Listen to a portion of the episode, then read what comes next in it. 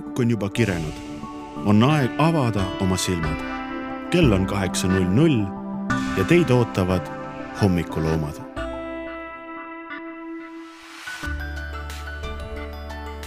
hei, hei, Põltsamaa raadio kuulaja, kuulate Põltsamaa raadio hommikuprogrammi, mina olen Mairo Link, minuga siin stuudios on Hart Saksnit. täna siis äh, proovime kolm tundi teid äh, kuidagi siin lõbustada, aega sisustada ja võib-olla räägikski, millest, tegelikult võib-olla tutvustaks ennast üldse alguses, me ei ole kumbki selline korduma kippuv nägu vist siin raadios. okei okay,, tõepoolest, eks siis vana hea, ma alustan. nimelt äh, olen siis Hart Saksnit ja võib-olla te olete näinud mind äh, Sandemi bändi bassimängijana äh,. lisaks sellele olen ma noh, Põltsamaa X gümnaasiumis olnud hästi palju tegelenud üldse korvpalli mängimisega ja noh, vahepeal käisin nüüd ajateenistuses ja olen tagasi Põltsamaal. ja no ühesõnaga, Hart on siis nagu autentne Põltsamaa poiss, mina käisin Põltsamaal läbi gümnaasiumi esimesest kuni kaheteistkümnendani ja siis nüüd kolisin Tartusse.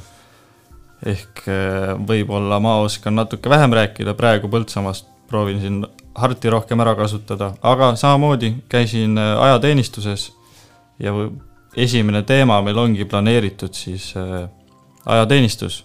Ja mitte rohkem niimoodi isiklikust kogemusest, vaid me proovime äkki siduda seda isiklikku ja ajateenistust üldiselt, et sellest oleks ka abi äkki Põltsamaal äh, noorematele poistele, kellel see tee on veel ees, või ka vanematele, kellel on läbi käidud ja saavad võrrelda siis, kuidas üldiselt ajateenistus ja armeeteenistus ajas muutunud on.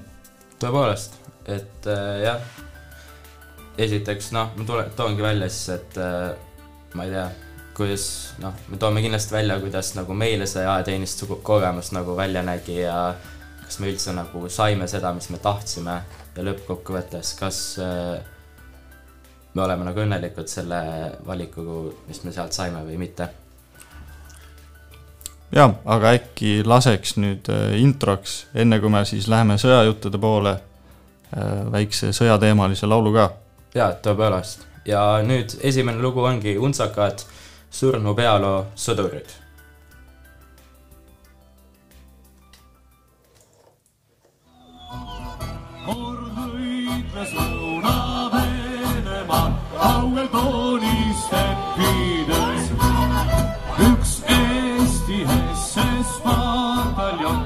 这是老罗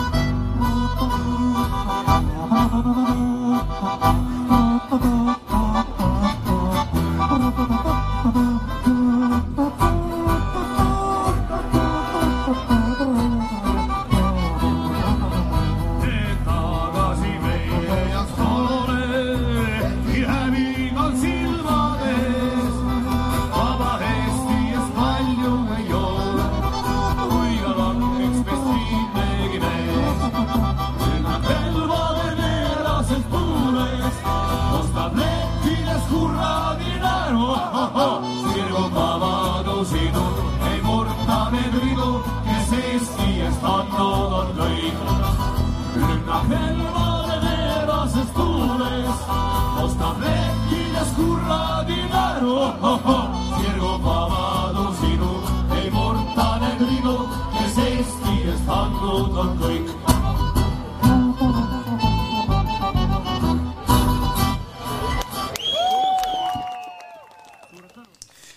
no nii, no nii, No surnud pealusõdurid, just nii, kumbki meist tegelikult Kuperjanovis ei teeninud, aga siiski, laul on hea. kahjuks või õnneks neid ei teagi ehk siis eh, sissejuhatuseks mõlemad olime üheteist kuu ajateenijad, ajateenistuses siis on valik, kas sa lähed eh, üheteist kuu peale, mis on eelkutse, või kaheksa kuu peale, mis on põhikutse.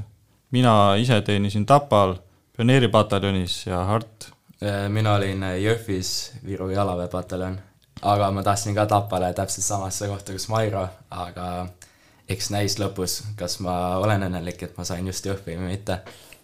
Ja, ja mina tahtsin alguses tegelikult üldse Kuperjanovisse, aga äh, kuna mul üks sõber, kellega koos läksime ajateenistusse, natukene pelgas Kuperjanovit, siis äh, läksime koos pioneeri ja natuke naljakas oli see, et kohe peale esimesi nädalaid siis see sõber läks äh, pioneerist ära ja ma jäin lõpuks üksi sinna, aga noh, see selleks.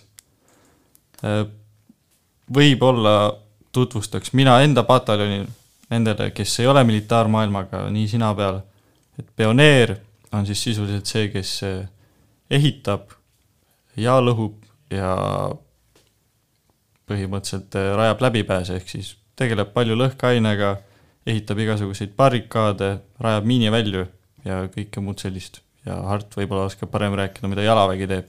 No üldiselt ongi jalavägi, ma tean, et Kupis on kergjalavägi, ehk siis kõik nagu toimub enamasti seljas, aga Jõhvis on meil basid, ehk siis sellised nagu soomukid, mis on nagu suured sellised masinad, kuhu saab nagu inimesed taha panna ja siis veel asju vedada ja on väike selline nagu kaitse ka.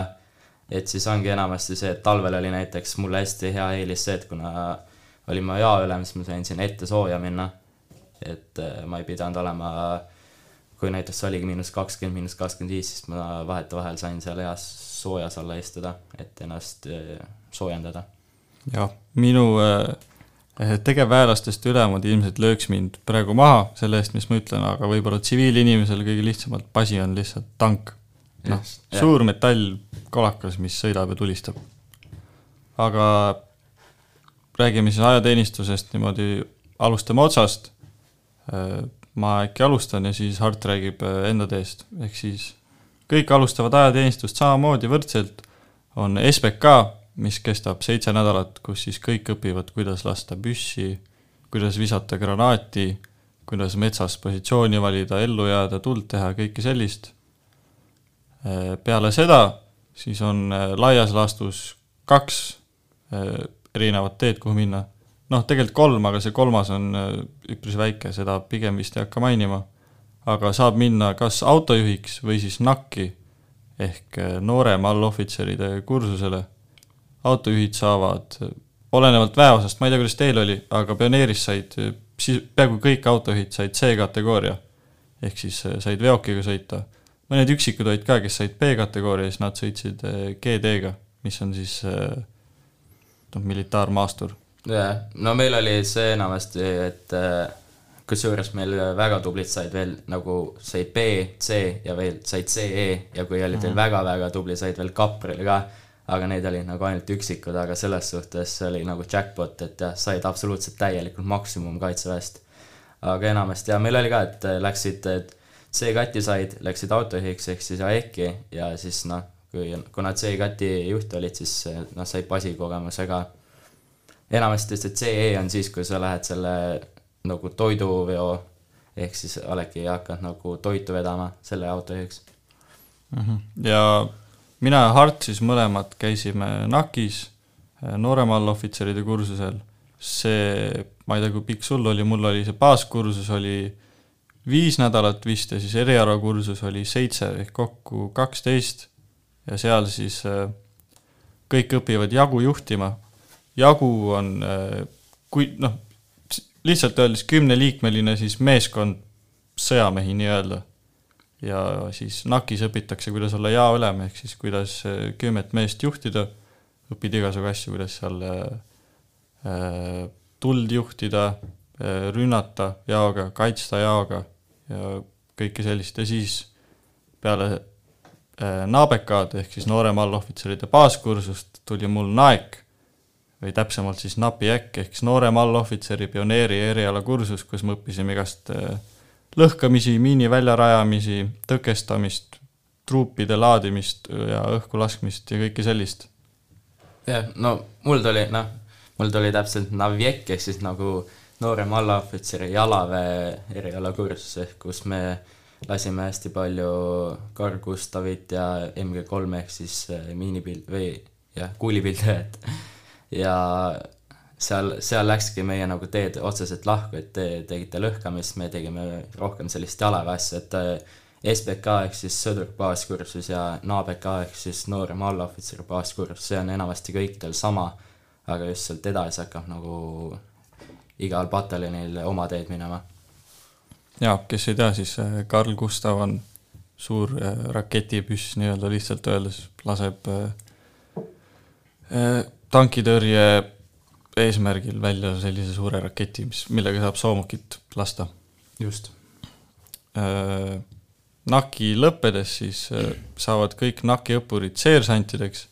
ma ei tea, kuidas teil NAK-i ajal oli, teil oli ka õppuripagun, on ju? jaa, ikka. ja kas meil nagu, ma mäletan, me läksime NAK-i ja siis kõik autojuhid lihtsalt nagu vihkasid meid, sest meil oli õppuripagun, meid pandi veel, meil oli, kasarm oli selline pikk hoone, kus oli äh, noh, koridor, ühel pool olid ühed toad, teisel pool teised, SBK-l oli kõik segamini, segamini, ja siis peale SBK-d oli Mauh, Nakk ühel pool koridori ja autojuhid teisel pool. ja siis oli kogu aeg lihtsalt mingi vastasseis. iga kord, kui sai eh, mingi autojuht olla korrapidaja, siis ta meelega kutsus kogu aeg lihtsalt NABK korrusele, NABK korrusele ja igasugu noh, selliseid eh, kursuste vahelisi mingisuguseid võitlusi oli meil kogu aeg. okei okay., no meil oli just nii, et äh, kuna meil seal Jõhvis on äh, üks aasta on Kalevi jalaväepataljon, teine aasta on äh, Viru jalaväepataljon, ehk siis oligi nii, et meil saadeti hoopis need autojuhid kõik sinna Kalevi majja, mis oli otseselt tühi ja siis seal teenis või seal olidki autojuhid ja siis seal no üks Seimanni maja, kes teab, seal olid meil siis kõik NAK-i vennad mm. -hmm. ja minu ajateenistusest, no peale NAK-i ma veel läksin aspirantuuri, sellest ma räägin hiljem, aga kõige eredamad mälestused ongi just NAK-ist, sest NAK-i tavaliselt pannakse sellised kas väga kõva häälega poisid, hea füüsisega või hea peaga poisid ja kõik saavad nagu enam-vähem aru, mis toimub ja siis ei ole sul nii raske seal mingisuguseid vaatlusposte mehitada või midagi, sa ei pea selle taktikalisele poolele mõtlema ja siis sai nii-öelda igasugust noh, pulli tehtud ja igasugu nalju tehtud just NAK-is, sest kõik olid nii-öelda pädevad poisid. jah, no mul oli selles suhtes, et ma mäletan, mul üks hea Semu ütles, et et vaata, et sa ei ütle SBK-s, et sul on B-katt ja siis ma ikka nagu natuke arglik ütlesin seal kõik oma trumbid välja, aga vana hea, alati jäta midagi endale ka. Ja peaaegu olekski mind autojuhiks pandud selle nimel, et ma ütlesin, et mul on B-katt, aga õnneks ma suutsin seal ennast piisavalt tõestada, mis ongi kaitses hästi tähtis, et äh, kui te olete seal sõduri baaskursusel, siis te peate ennast nagu ühes mõttes maha müüma, et siis näitama endast nagu maksimum üldiselt, et kuhu te minna tahate, kuhu, kelleks te saada tahate. ja siis lõppude lõpuks ma ikkagi sain nakki ja see oli nagu ülimalt õnnelik ja siiamaani nagu väga hea meel, et ma ei läinud autojuhiks. kuigi autojuht on ka väga hea, aga mu eesmärk oli ikkagi, ikkagi nakki minna mm,. mäletan, mul oli SBK ajal meil oli kaeviku eksam ehk siis äh, sõdur rajab endale kaeviku lihtsalt, äh, lihtsalt öeldes kaevad augu ja viska natuke mulda ettepoole. ja siis sind hinnatakse, et sul peab olema mingid äh, kriteeriumid täidetud.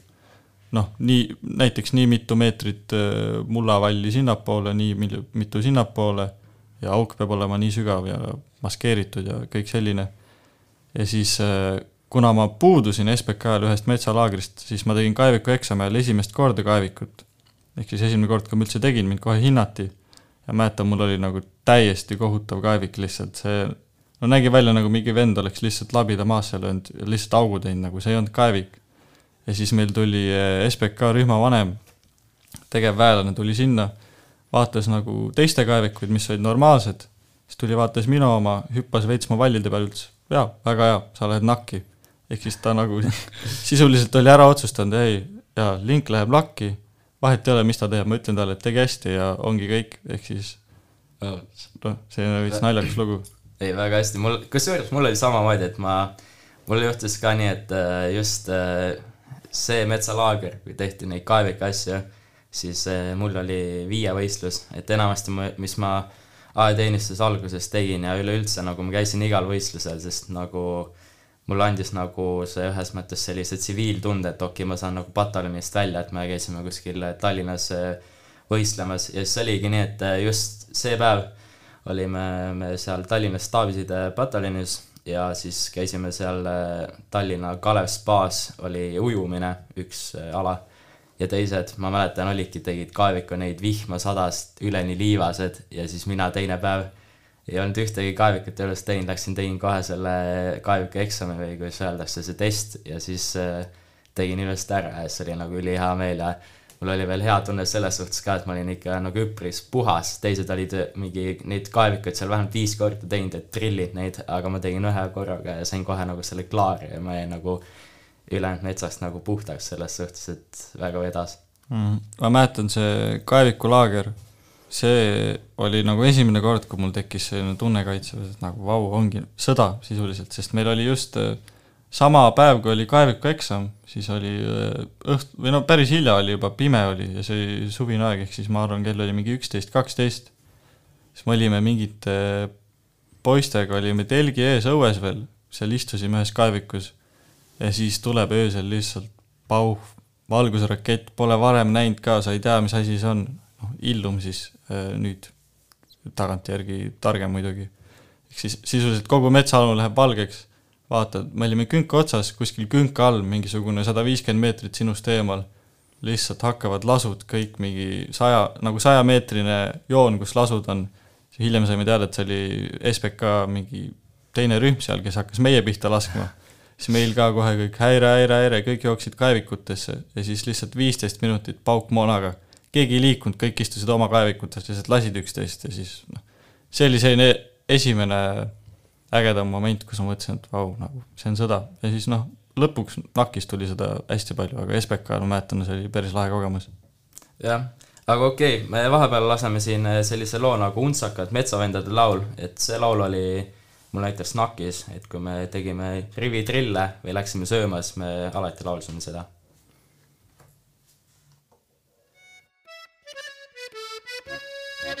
Seal metsa serval väikses majas, kus elasid mu vanemad, seal metsa serval väikses majas on pesa teinud punase. me metsavennad oleme. me metsavennad eestlased.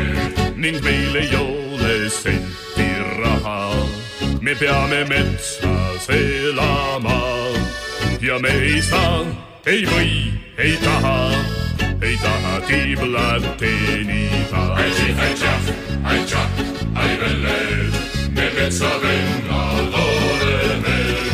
ai tših, ai tšah, ai tšah, ai velle, me metsavennad eestlased. Ja sinu sõstra mustad silmad ei iial unune, sest sinu sõstra mustad silmad on võitnud minu südame. ai velle, me metsavennad oleme. ai tših, ai tšah, ai tšah, ai velle, me metsavennad eestlased. ja oma lippu sinimusta valget me ikka au sees hoiame ja koidikul siis selgitame kes meist on õige eestlane. ai velle, me metsavennad oleme. ai tših, ai tšah, ai tšah, ai velle,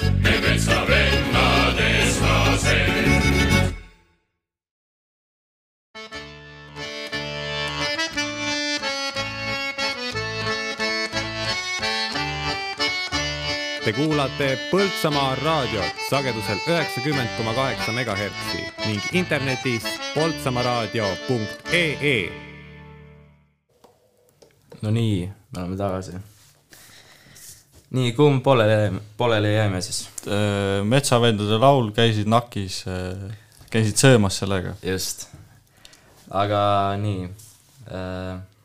see söömas käimine nägi jah äh, niimoodi välja, et siis lähed, ma ei tea, kuidas teie, me läksime rühma koosseisus, ehk siis rühmakarp nii-öelda, kõik mehed olid, olidki nii-öelda karbis, seisid lihtsalt nagu ristkülikus ja siis üks vend läks ette, rühma vastutav ja hiljem siis aspirant ja siis kõik hakkasid marssima kõigil samal ajal, vasak jalg maha ja siis on nagu laulusõnad selle järgi, laulad, lähed sööklasse. meil oli täpselt sama, ehk siis ma pakun, see ongi kõikidel selline vana ja vastavalt trillile. Ka-, kaitseväe lõpuks oli küll nagu, vahet ei ole, rühmaülem annab käsku, mingi küsimus on, küsitavalt ütleb, no vastavalt trillile, lihtsalt kõik oli kogu aeg vastavalt trillile. aga meil oli nii, et tegevväelased vahepeal noh, tegelikult isegi mõned tegevväelased meil nagu lõpus ei lubanud öelda seda, aga noh, ma ei tea, me olime sellised, siis oli meil juba natuke ükskõik ja siis olime, et okei okay,, et teenistus niikuinii läbi, et mis me, mis meil ikka kaotada on selles suhtes mm. -hmm. aga ma äkki räägin siis, mis, kuhu ma nagu lõpuks välja jõudsin ajateenistuses, ehk siis jah, alguses SBK, siis käisin äh, NAK-is, sain seersandiks ja siis läksin äh, aspirantuuri. Äh, aspirant on siis ajateenijast rühmaülem, rühmas on kolmkümmend meest keskmiselt ja siis leitnant on nii-öelda tegevväelasest rühmaülem, kuni tuleb aspirant ja siis sõja ajal on äh, aspirant siis selle rühma ülem nii-öelda. ja aspirantuur oli meil Võrus, äh, seal, kus pealuupoisid on, Kuperjanov, nägin vanad klassivenda Bennot ka seal, jalutasin aspirantuuri, tuppa sisse, esimene päev vaatan, mahub Benno, lihtsalt vaatab vastu ja lai naeratus on näol. Ja siis õppisimegi seal Võrus aspirantuuris, kuidas nii-öelda rühma juhtida, seal oli hästi palju sellist äh, ohvitseriõpet nii-öelda, rohkem sellist äh, vaimset poolt, et me väga nagu jah, me käisime ka metsas ja tegime nii-öelda põkse, äh, võib-olla tsiviilinimesed, kes ei tea, põks on siis see, et sisuliselt üks nagu sooritus mingisugusel harjutusel relvaga kuskil. et me olime rohkem nagu klassiruumis, õppisime, saime väga detailse käsuõppe, äh, meile käis rääkimas Kaitseväe Akadeemia ülem, nüüdseks siis eh, kindral Karus erinevatel teemadel, mingi laiapindne riigikaitse, eh, eneseanalüüs ja noh, kõik selline. et seal siis eh, aspirantuuris olid koos kõik aspirandid kogu kaitseväe peale, ehk siis sinna tuli igast vahipataljonist ehk sõjaväepolitseist, siis Hardi, Hardi pataljonist need Viru jalaväepataljoni aspirandid, meie pioneerid, ühesõnaga kõik siis kogunesid korraks sinna Võrru kokku, tegid oma selle baasaspirantuuri ära viis nädalat. mõni jäi ka jalaväkke sinna kauemaks ja siis need, kes ei jäänud jalaväkke, siis läksid tagasi oma koduväeosse ja tegid seal ka erialakursuse. ehk siis mul nägigi niimoodi välja, et tegin aspirantuuri baaskursuse, siis pioneeri eriala ja siis läksin üldse staabirühma, millest mul ei olnud, mul oli nagu null õpet siis ma oskasin teha jalaväge ja miini välja ja siis läksin mingi sideasjaga tegelema, millest ma ei saanud mitte midagi lõpuni välja aru lihtsalt.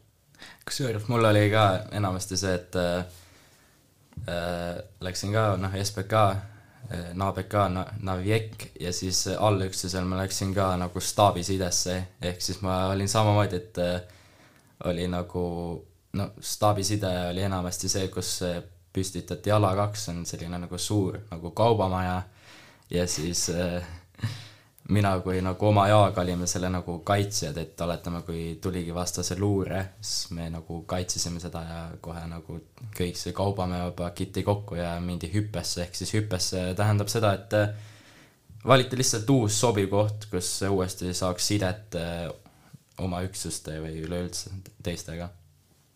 Mm.. kas su, kas su jao, jao nimi oli toetusjagu või? Ei, ma olingi staabikaitsejagu, et esimene staabikaitsejagu, öeldi meil niimoodi. okei okay,, no mul oli siis staabirühm, kus mul siis suurõppuse ajal siil mul oli kolm jagu nagu igas rühmas. ma mäletan, mul oli vist kolmkümmend kaks või kolmkümmend neli sõdurite rühmas, midagi sellist, aga siis äh, rahuaegses väljaõppes mul oli kaks jagu, sest lihtsalt reservis oli nii palju mehi olemas, et ei olnud mõtet nagu rohkem peale koolitada. ja siis mul oli toetusjagu, kes vist tegi nagu sisuliselt sama asja, mida sina. Et nagu kaitses ka äh, seda ala kahte.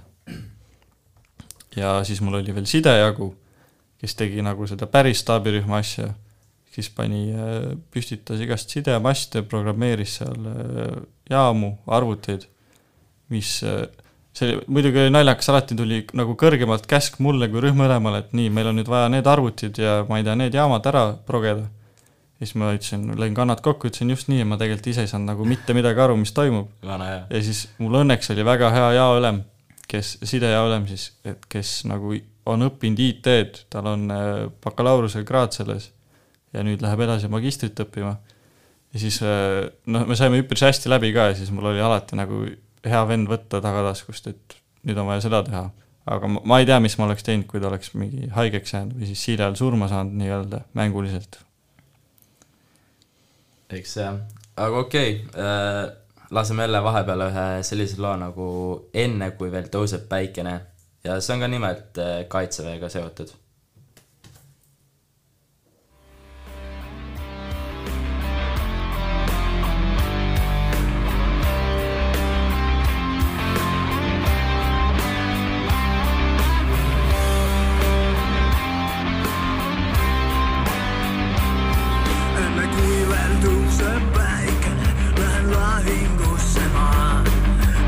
Tulen tagasi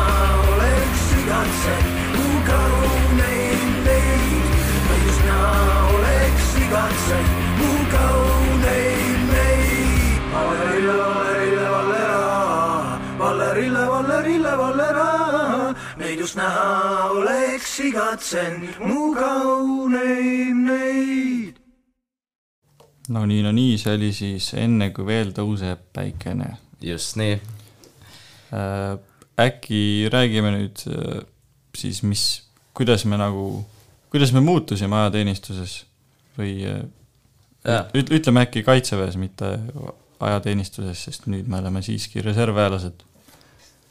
et siis jah, suures pildis käisime mõlemad NAK-is, ma aspirantuuris ka, väga suurt nagu vahet ei olnud, lihtsalt mul oli nagu rohkem alluvaid, aga ülejäänud oli suht sama.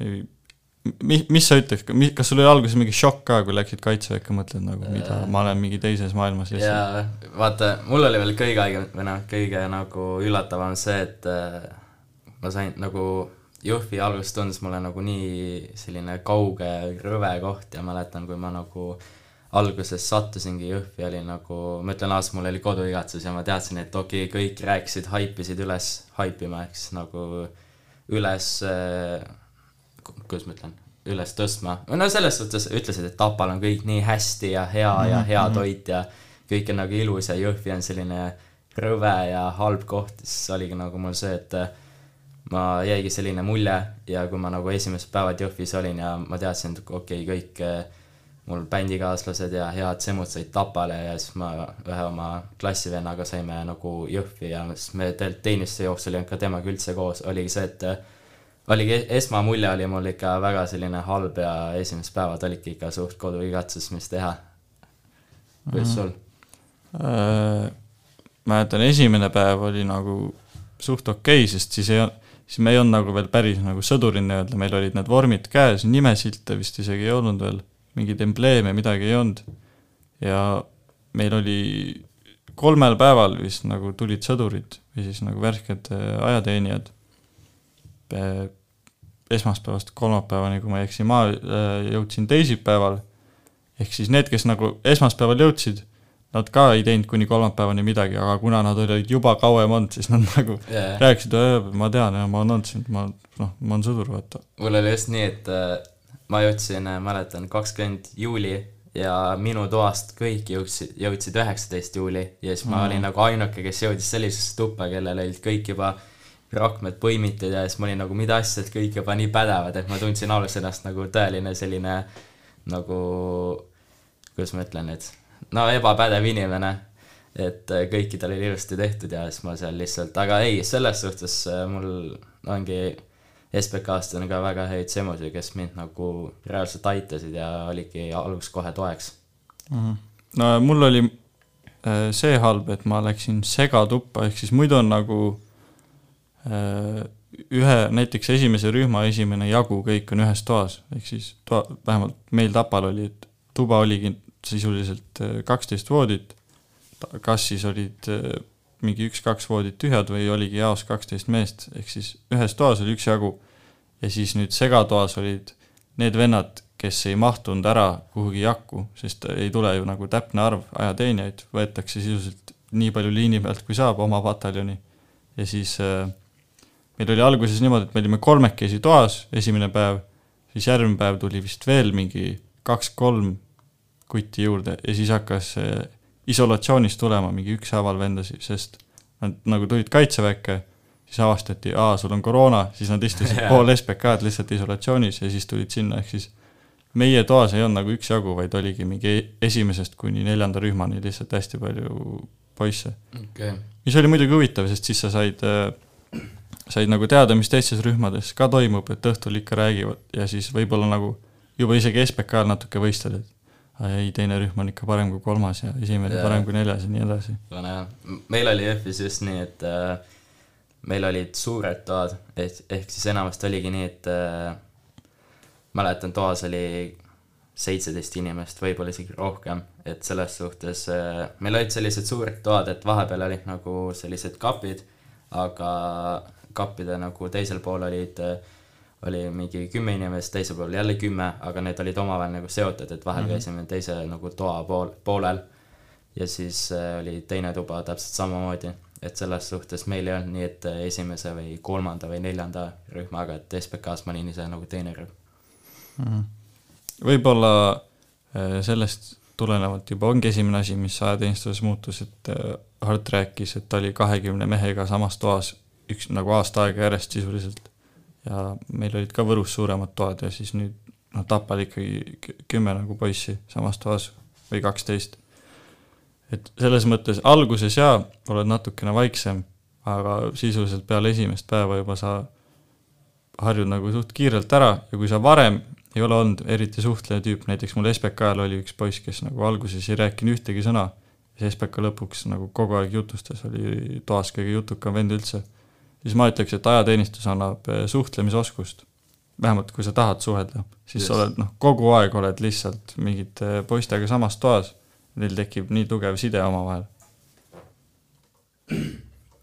ma täielikult nõustun, et äh, mul oli ka eelnevalt see, see, et äh, noh, gümnaasiumis või no üleüldse tegelikult äh, ma ikkagi olen nagu vältinud sellist äh, avalikku esinemist või noh, eks kui ma pean tegema või no selles suhtes bändiga ikka jah, aga ma ei ole otseselt seda nagu nautinud. Ja siis nüüd Hart oli otse-eetris. jah, aga jah, oligi see, et SBK-s äh, ma olin alguses selline hästi arglikum või hästi arglik, aga kuna ma sain, sain aru, et äh, oma eesmärk, eesmärki ma ei saavuta siis, kui ma nagu ei tee häält.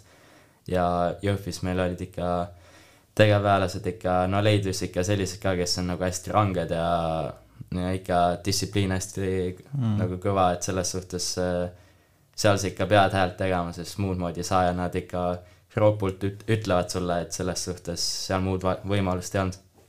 mis on samas jälle eluks hästi nagu õpetlik, et ühes mõttes ma nagu ei kahetse, et ma Jõhvi sain. mm. -hmm. mäletan meil äh, SBK-l, noh, olime seal koos, oli alguses naljakas, kui ei pidanud nagu väga mingi noh, siis kui oli see nagu ooteperiood nii-öelda, et kõik sõdurid jõuaks kohale ja siis äh, seal juba mingid poisid mõtlesid välja igasugu nagu rivisamme või nagu rivi nii-öelda laule, mida öelda, kui söömas käid ja siis ma mäletan, vist juba teisel päeval keegi ütles parem, parem, pioneer sureb varem või midagi, see keelati kohe ära. et noh, et algu-, nii, nii kui nagu sõduritel ei olnud meil seal midagi teha alguses, siis hakati juba nagu mingeid lollusi tegema. aga siis äh, nädala lõpus, kui kõik olid kohal, hakkas väljaõpe, siis nagu alguses mul oli küll korraks, et nagu vau, meil oli, olid drillseersandid, kes siis olid ka ajateenijad, kes olid alguses meie ülemad, kes äh, viisid meile siis seda algset SBK väljaõpet läbi ja siis äh, mõnele nendest nagu meeldis väga karjuda. ja siis ma mõtlesin ka, et no mis toimub, et me tulime nagu riiki kaitsma, nüüd me seisame kuskil korruse peal rivis ja mingi vend karjub meie peale, et miks nagu vetsud koristamata on. ja, ja eks, eks ta ole nii, kusjuures mul oli, või no meil oli samamoodi, et mäletan SBK-s, et parem, parem, kodus on parem ja siis põhiliselt me saime sellest nii räigelt puid ja mäletan, me pidime mingi seitse ringi nagu kogu pataljoni ümber tegema ja see oli ikka, eks jah, me, meid ikka suht trilliti, et selles suhtes ma ei tea, kuidas teil, aga eks no vahel me olime ise ka süüdi, aga mäletan esimesed päevad SBK-st ikka, mäletan, ma ei saanud emale isegi neli päeva mingi, no eks ma ikkagi vana hea öörahust salaja mingi padja all mingi saadad emale sõnumi, et okei okay,, kõik on hästi, aga selles suhtes jaa, et eh, aega oli ikka SBK-s no üldiselt väga vähe, et noh, see lõpupaik ikka leidus, aga jah, ma ei tea, kuidas sul jaa, SBK oli väga intensiivne ja ongi, kui nüüd Põltsamaalt peaks minema mingisugused uh, uus sats läheb aega teenima, siis uh, ärge nagu kohe ära ehmatage, et esimesed seitse nädalat ongi reaalselt nagu poole raskem kui ülejäänud teenistus. ütleks, et nakk oli ka lihtsam kui SBK, vähemalt mul. et nagu jah, olete metsas kogu aeg on mingid, oo, kohe tuleb vastane, jooksete sinna, teete seda, lasete, nüüd juba lähete uusi positsioone rajama, mida iganes. aga siis, kui nagu see seitse nädalat pingutust saab läbi, siis noh, edasi on lihtne, mina ütleks. no enamasti see ka, et äh, no kupis kindlasti SBK-st äh, oletegi seitse nädalat sees, et nagu no ma ütlen ausalt, mulle andis nagu hästi palju motivatsiooni linnaluba, kuigi ma ei tea, tegevväelased ütlesid, et linnaluba ei tohiks olla see, mis nagu annab motivatsiooni, aga no ma ütlen ausalt, mul ikka oli, et noh, sai koju, see on nagu teine asi. ja SBK-s mina isegi sain äh, esimesed kolm nädalat ma olin kindlalt sees, sain linnaloale ja siis äh, SBK lõpp sain ka. ja siis hakkaski edasi olema nii, et üks nädal sees, teine nagu linnaloal ja, ja nii edasi mm. -hmm. mul oli SBK täpselt samamoodi, et saime peale kolmandat nädalat välja ja siis SBK lõpus. ja NAK-is meil oli parem, me saime iga nädal välja NAK-is tegelikult, meil oli ka enamasti see, et me saime iga nädal, aga vahel oli ikka see, et pidi jälle sisse jääma, et noh, eks eks jah, see oleneb sellest pataljonist, et noh, teil nagu joppab ka, et see on eh, kõik need toimkonnad ja mis seal, noh, toimkonnad on see, et sa pead nagu teadma, kes kus keegi on ja nagu sul on ühes mõttes nagu pataljoni, pataljoni üle nagu ülevaade. eriti mõnus on muidugi, kui hakkad nagu, oled teinud plaani, et davai, ma lähen linnaloale, siis tuleb mingi rühmaülem, ütleb, aa, see vend ei saa korrapidaja olla, ta ei saa toimkonnas olla, oled sina, lähed lihtsalt hiljem välja, siis mõtled Jaa. no mida. ja siis kõik see transport või ma ei tea, bussiga Mm. noh, eks seal mõni tuleb autoga, aga mul oli selles suhtes see, et äh, Jõhvi autoga tulla nagu mõttetult, mõttetult kulukas ja noh, tavaliselt käisime, käisimegi nagu pundiga, aga kui teised saavad juba eelnevalt välja, siis miks noh, nagu peaks mind ootama, et nagu selles suhtes jah. Aga linnalubadest rääkides, siis alguses SBK-l ma mäletan, esimese linnaloale ma tahtsin väga minna, sest nagu siis oli see, see asi veel uus ja ei olnud nii harjunud, aga ütleks peale mingi kolme kuud, enne NAK-i lõppu juba isegi, nüüd ma võib-olla olen nagu veits veider selle pärast, aga mulle see linnaluba lõpuks nagu ma isegi väga ma ei ootanud sinna nii väga minna, sest kui ma läksin, läksin ajateeni-, noh, kaitseväkke, siis mul tekkis uus sõprusgrupp sinna või nagu ma kogu, kogu oma eh, vaimse ja füüsilise energia panustasin kaitseväkke nii-öelda. Ja ma pingutasin ka, et eh, aspirantuuri jõuda ja siis kõik mu sõbrad olidki nagu kaitseväest, siis mõtlesin, jaa, ma võin muidugi minna linnaloale. Ja muidugi hea on puhata, magada mulle meeldis küll väga linnaloal, aga selles mõttes, kui ma oleks jäänud nädalavahetusel sisse, ma ei oleks olnud nii kurb ka.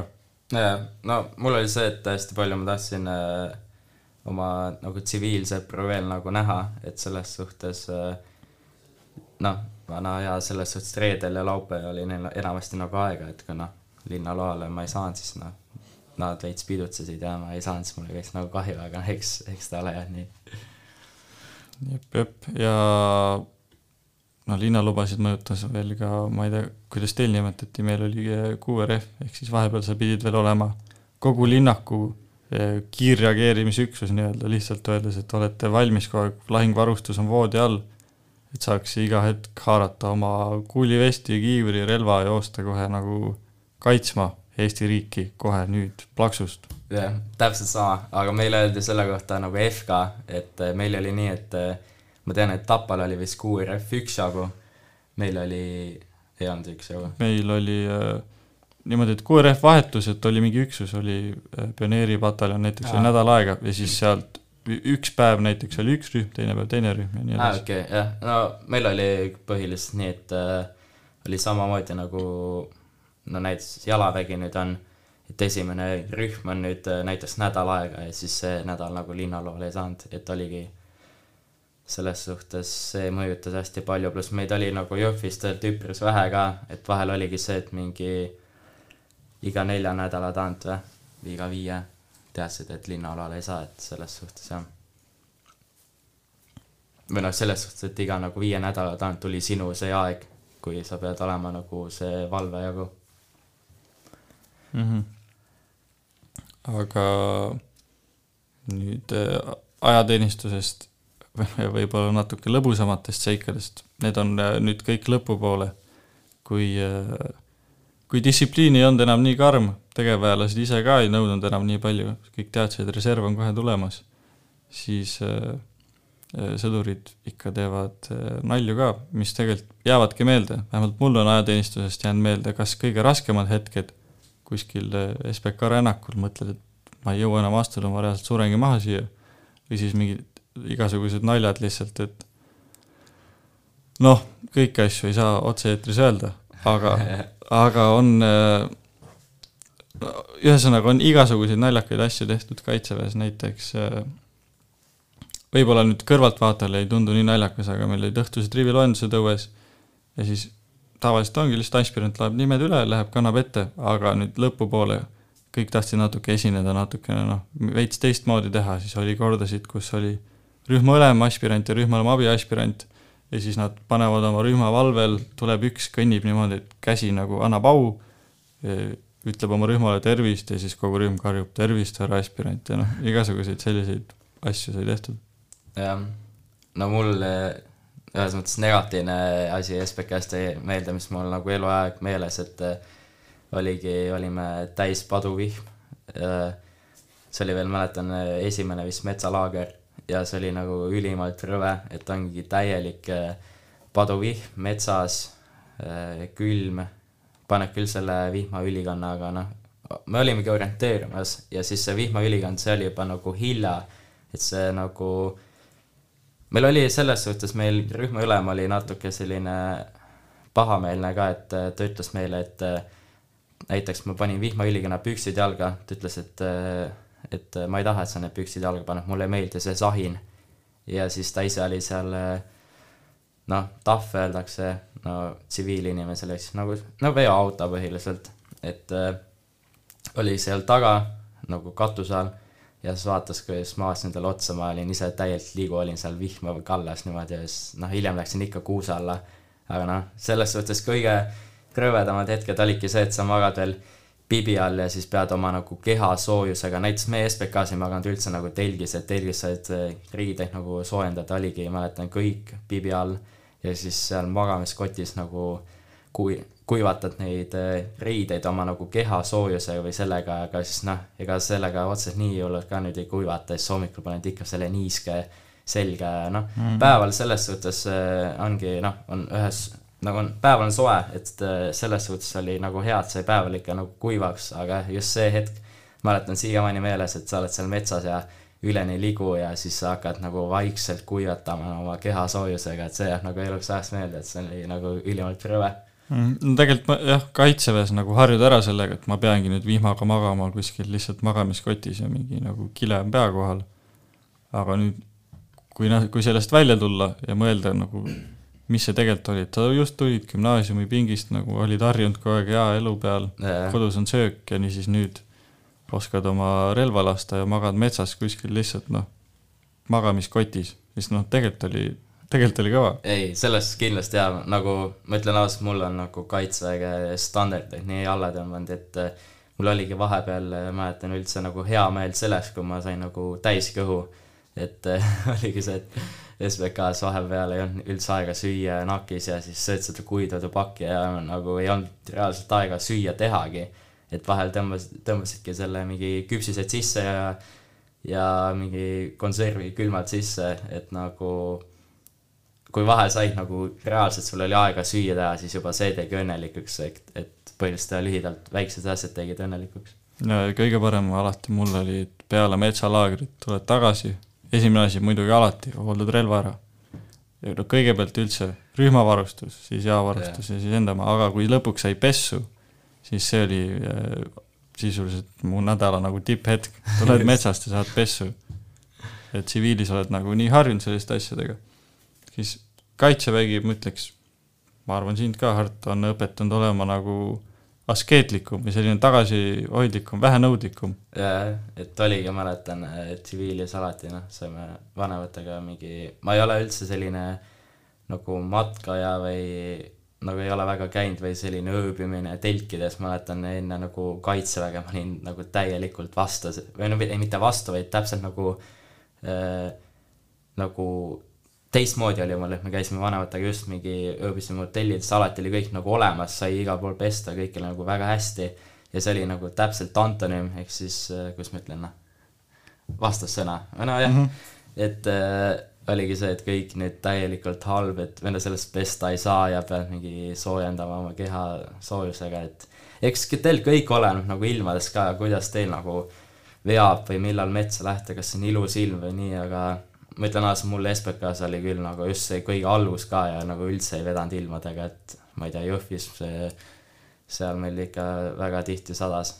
mäletan, meil oli ka SBK oli üpris äh, vihmane, esimene laager oli ainuke, kui meil ei sadanud vist. nüüd teisest laagrist, noh, kahe otsaga mõõk ma sain ära, aga põhjus ei olnud nagu väga hea, me just sõitsime sinna laagrisse, kõik seljakott, kõik oli pakitud, tegid, me läksime bussiga veel sinna, sest see oli kaugel Tapalt. Oli äh, Rutjal ja siis äh, tegid bussis veel endale kamo näkku ja siis äh, sõid, hakkasime kohale jõudma, sõitsime seal mingi metsasihi peal ja siis vajusime bussiga kraavi.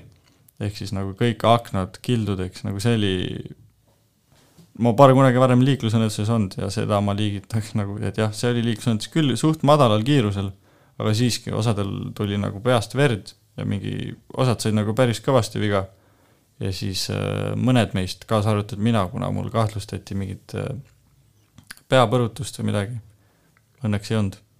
vähemalt ma loodan, äkki on, aga ei ole lihtsalt aru saadud. ja siis meid saadeti EMO-sse ja siis äh, kasarmusse kuni laagri lõpuni. siis ma mäletan, olime, hommikul olime nagu läinud, et okei okay,, lähme metsa, elame üle. ja siis õhtul oled tagasi kasarmu toas juba, kahekesi seal olete, kõik teised on metsas, vaatad aknast välja, vihma sajab. mõtled, et noh, veits kahju on teistest, aga tegelikult on nagu päris hea ka. ei, see on, jah, see on kõigil. aga okei okay,, paneme vahepeale siia sellist loo nagu Peeter Tooma Mässajate laul.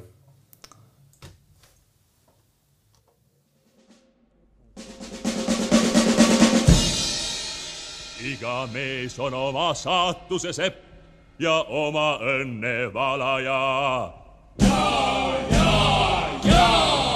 Ükskord prahvatab vimm, mis kogunenud salaja.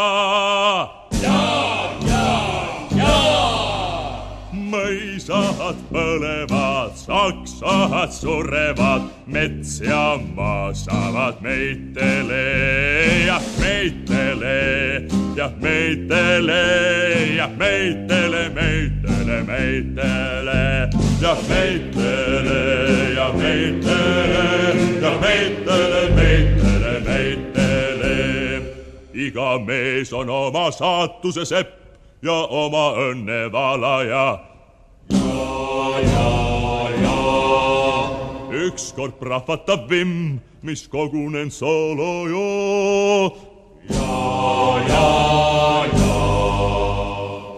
metsad põlevad, maad surevad, meie saame meitele, jah meitele, jah meitele, jah meitele, meitele, meitele, jah meitele, jah meitele, jah meitele, meitele, meitele. iga mees on oma saatuse sepp ja oma õnne valaja. ükskord prahvatab vimm, mis kogunenud salaja. meie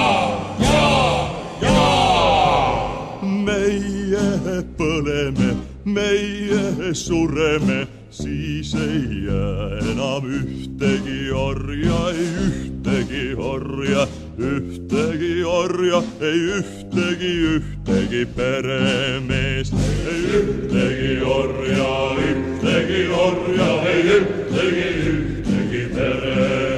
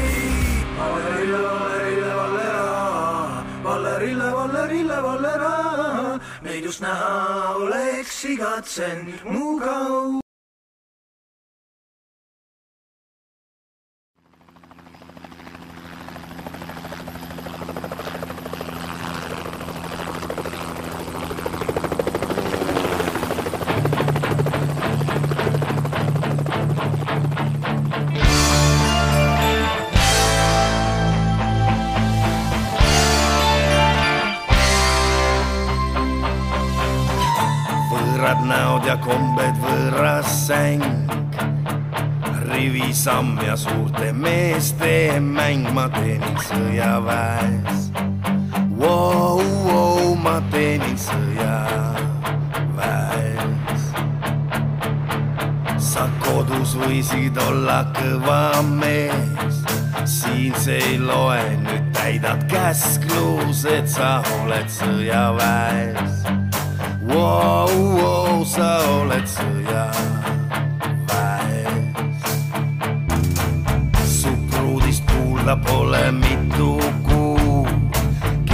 Ei tea, kas on ta sulle truu, sa oled sõjaväes wow,. Wow, sa oled sõjaväes.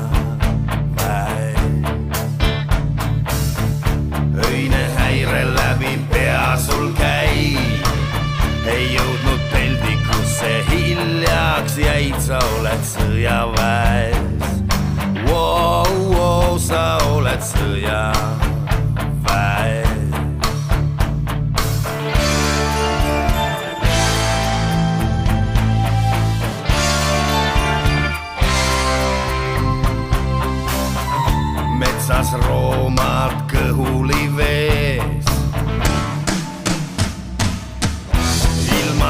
sa oma puhkusest, sest et maha sa jäid, jõud sul otsa sai, sa oled sõjaväes wow,. Wow, sa oled sõjaväes. õhtul voodis mõtled tänaseks kõik, kui siis seersant teeb kisa. ülesse kõik, sa oled sõjaväes sa oled sõjaväes. su uueks naiseks nüüd on automaat ja lemmiktoiduks saanud Marko abipakk, sa oled sõjaväes wow,. Wow, sa oled sõjaväes, sa oled sõjaväes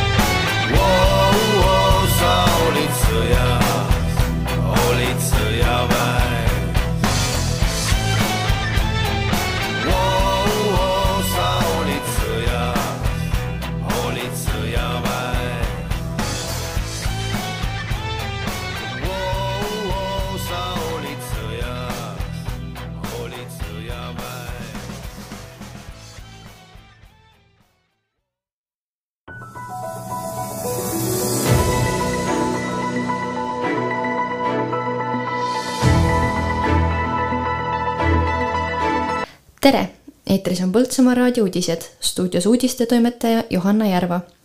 Põltsamaa vald kogub annetusi Ukraina sõjapõgenike aitamiseks. Põltsamaa vald pakub tööd. Põltsamaa Ühisgümnaasiumisse kandideerimise vastu on varasemast suurem huvi. tulemas on hoidiste konkurss Põltsamaa põnev purk. Põltsamaa vald tegeleb Ukraina sõjapõgenikele abi pakkumisega. arveldusarve numbri leiab põltsamaa.ee kodulehelt. elamispinna pakkumiseks saab võtta ühendust Mark Liivamägi või Karro Külanurmega samuti on Põltsamaa vald valmis vastu võtma meie valla ettevõtetes töötavate ukrainlaste peresid ning pakkuma neile peavarju ja muud vajalikku abi. kogu informatsioon on saadaval poltsamaa.ee kodulehel. aitame Ukrainat märgi all. räägib Mark Liivamägi no kindlasti üks asi on see, et äh, kui poodides ikka näete, et äh, kogutakse äh, toiduaineid, siis need on nii meie, Eesti inimestele, kui ka tegelikult sõjapõgenikele nende abistamiseks, et väga paljud nendest kas ei saa tööle näiteks minna, et ongi näiteks naine tulnud kahe väikese lapsega, et tal ei olegi võimalik ja siis toiduabi on neile ikkagi noh, väga-väga oluline. teine asi on see, et noh, näete ise ka, et väga soe suvi on vist äh, vähemalt alanud väga soojalt, et äh, nendel pole selleks ka vajalikke riideid, et äh, vajadusel uusi puhtaid riideid on. Põltsamaa vald pakub tööd rahandusosakonna juhatajale ning ehitus- ja planeeringuspetsialistile, jätkab Kätlin Toom. info kvalifikatsioonide ja kandideerimise kohta leiab poltsamaa.ee lehelt mõlemale ametikohale saab asuda niipea kui võimalik ning töö on täiskoormusega, räägib Kristi Klaas. jah, et äh, Põltsamaa vallavalitsus ootab äh, oma meeskonda ehitus- ja planeeringuspetsialiste, rahandusosakonna juhatajat. tegemist on siis ametikohtadega, mis on vabanenud, ei ole uued ametikohad. kindlasti eeldab see sellist äh, julget vastutuse võtmist nendelt, kes oleks huvitatud kandideerima ja kuna, kuna ülesanded on kindlasti sellised vastutusrikkad ja, ja saab nagu väga palju valla nii-öelda piirkonna arengusse panustada. ja kandideerimise tähtaeg on siis äh, viisteist august järgmisest õppeaastast alustab Põltsamaa Ühisgümnaasiumis õpinguid ligi viiskümmend gümnasisti. gümnaasiumisse astumise vastu tuntakse suurt huvi ning õpilaste arv on kasvamas. tulev gümnasist saab valida ettevõtlus ja majandus ja infotehnoloogia ja küberkaitse õppesuundade vahel räägib gümnaasiumiastme õppejuht Maive Noodla. ma arvan, et meie õpilasi kõnetab kõige rohkem see, et nad saaksid ise päriselt midagi ära teha, mida meie oma gümnasistidele ka väga palju pakume. et äh, põhilise siis üldgümnaasiumi hariduse kõrval on väga palju võimalusi tegeleda oma hobidega, olla aktiivne gümnasist, lüüa kaasa kooli tegevustes, äh, osaleda projektides ja see on, ma arvan, üks asi, mis meie kooli ka noori tõmbab, lisaks sellele, et, äh, et meie kooli õpetajatel on väga hea maine just selle koha pealt, et, äh, ühest küljest head oma ala spetsialistid ja teisest küljest, et meie õpetajad märkavad, hoolivad, toetavad ja kaasavad õpilasi erinevatesse tegevustesse ja, ja aktiivsesse tunni kulgemisse. tulemas on hoidiste konkurss Põltsamaa põnev purk, jätkab Kätlin Toom Põltsamaa Sõnumid mittetulundusühing kuulutab välja hoidiste konkursi Põltsamaa põnev purk. ajaleht Põltsamaa valla Sõnumid kutsub kõiki kulinaariahuvilisi avastama uusi maitseid ning neid teistega jagama, räägib Kristi Seppri. Põltsamaa põnev purk konkursi idee sai tegelikult alguse eelmisel aastal Põltsimaa kohvikute päeval, kui ma ringi kõndides vaatasin, kui palju ägedaid hoidiseid pakuti nii müügiks kui erinevate toitude kõrvale. siis ma mõtlesingi, et sellest saaks väga äge konkurss. kindlasti peaksidki osalema kõik inimesed, kes tahavad oma loomingut äh, teistele tutvustada. see on väga hea võimalus selleks mina olen toimetaja Kätlin Toom ja kahekümne üheksandal juunil ilm.ee andmetel on täna vähese ja vahelduva pilvisusega ilm.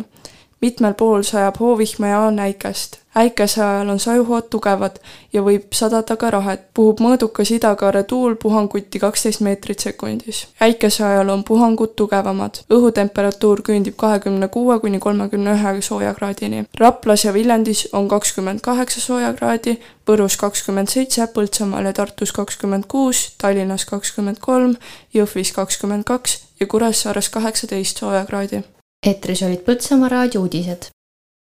kas oled kuulnud Põltsamaal linna ääres paiknevast pikaaegsest ettevõttest? puitprofiil, kvaliteetsed liimpuidust akna ja ukse detailide toorikud meie kodukohast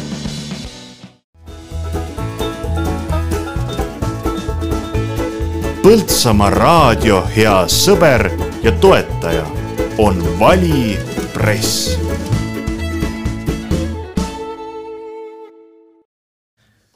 no nii, no nii, Põltsamaa raadios endiselt Mairo Link ja Hart Saksnit. nii, kuulasime uudiseid, aitäh, Johanna Järva. mina nüüd, kuna ma elan Tartus, siis ma ei ole Põltsamaa uudistega väga kursis, aga tundub siiski, siiski, et elu edeneb, otsitakse tööd, noh, parandan, pakutakse tööd, on abi abivajajatele, ühesõnaga tundub, et selline aktiivne kodanikuühiskond nagu päris käib siin. tõepoolest, et äh, ma vaatan, et uus lasteaed ja et see on nagu väga uhke. ma ei tea, see on vist isegi peaaegu juba valmis, et äh, mäletan, kui noh, ma ikka pean kaitseväe tagasi tulema, kaitseväe nagu näiteid tooma, et äh, kui kaitseväes linnalubadel käisin, siis nagu vaatasin alati, et nii kähku nagu kõik muutub, et selles suhtes väga uhke. et ikka Põltsamaal ka ikka kõik ilusti kiire maailm ja kõik elu käib ma arvan, et äh, võib-olla raadiokuulaja veits tüdineb ära juba meie heietamisest kaitseväele, et tõmbame nagu äkki teema kiirelt kokku ja siis, äh, siis võib-olla lähme Põltsamaa teemade juurde ja siis äh, ligikaudu poole tunni pärast on eetrisse oodata Janne Karu, kes tuleb rääkima Põltsamaa lossipäevadest. aga siis ajateenistuse lõpetuseks.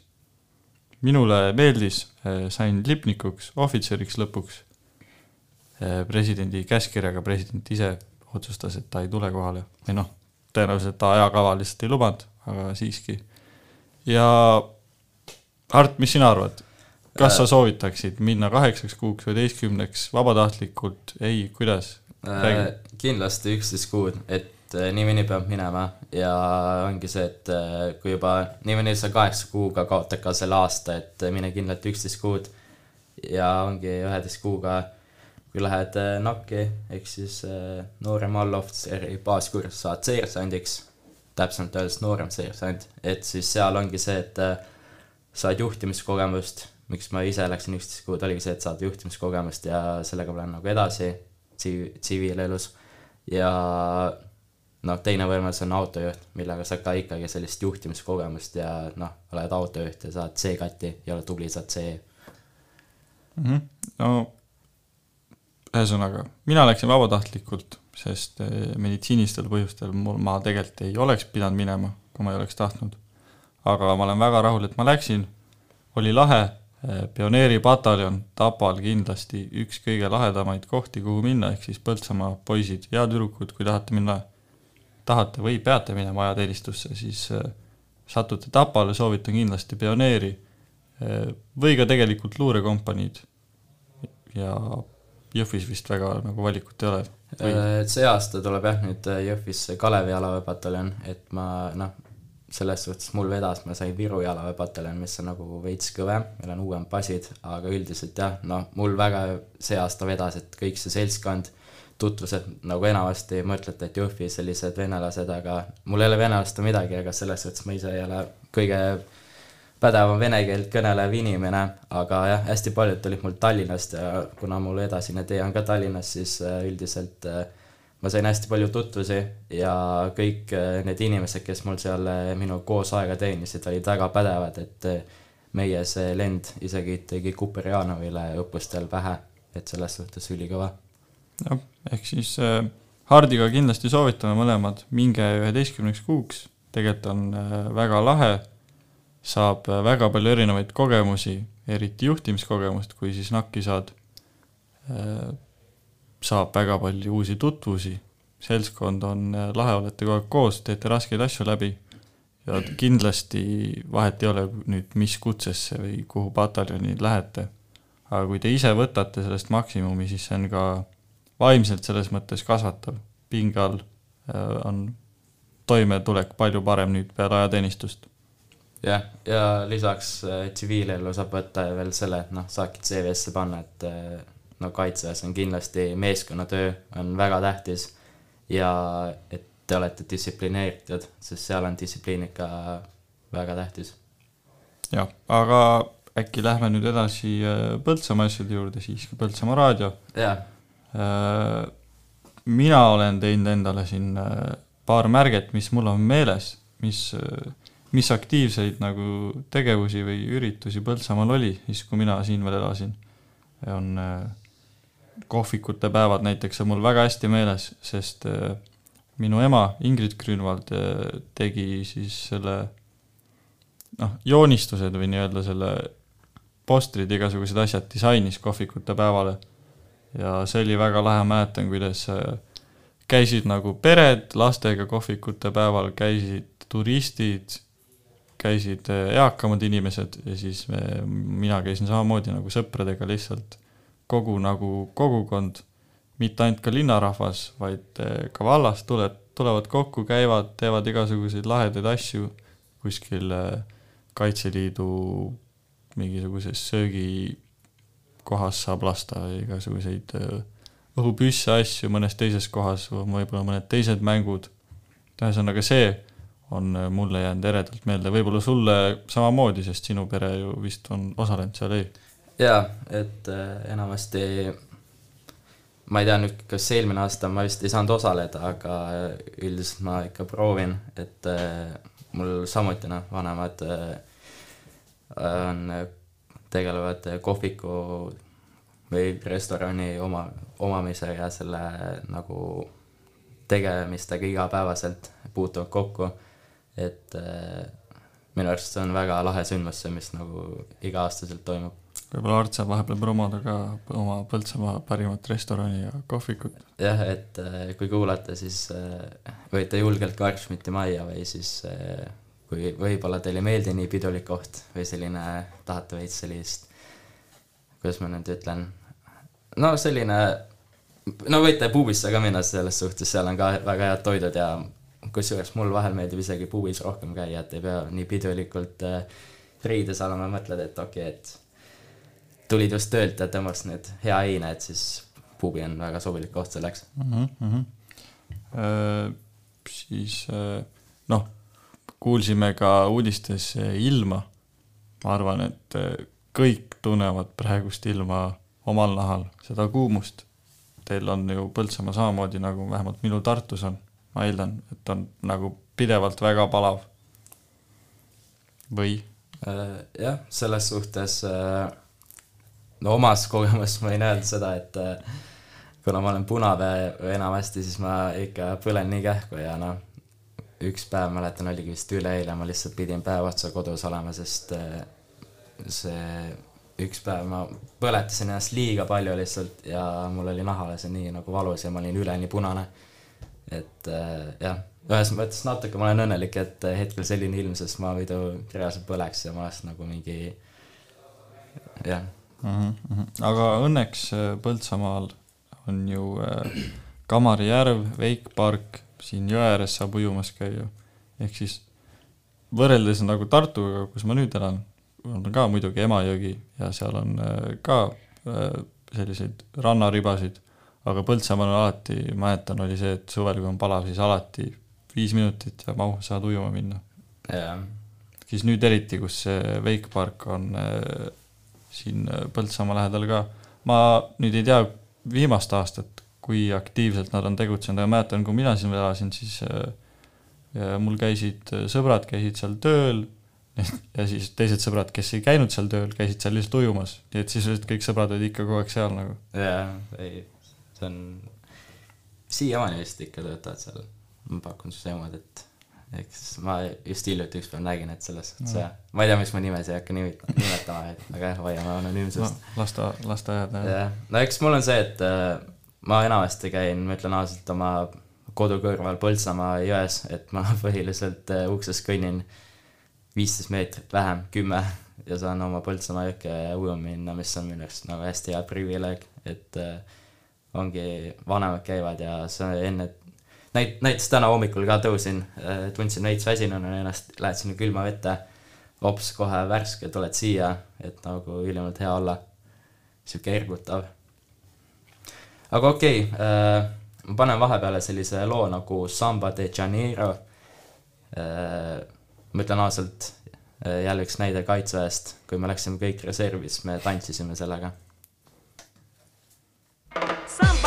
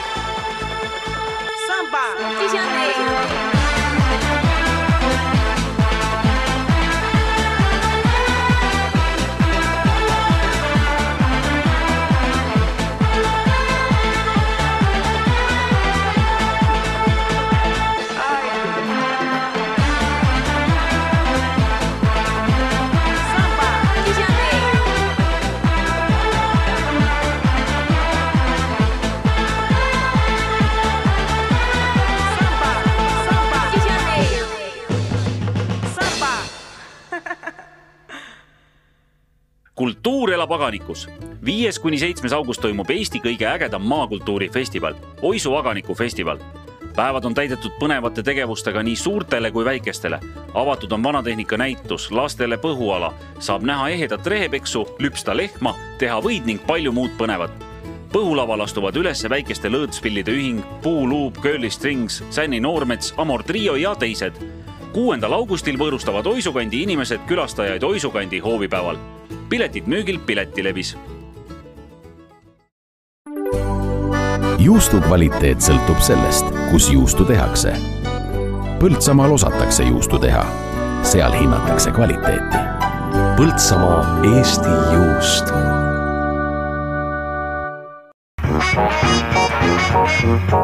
täna õhtul kell kuusteist kolmkümmend loosikasaade.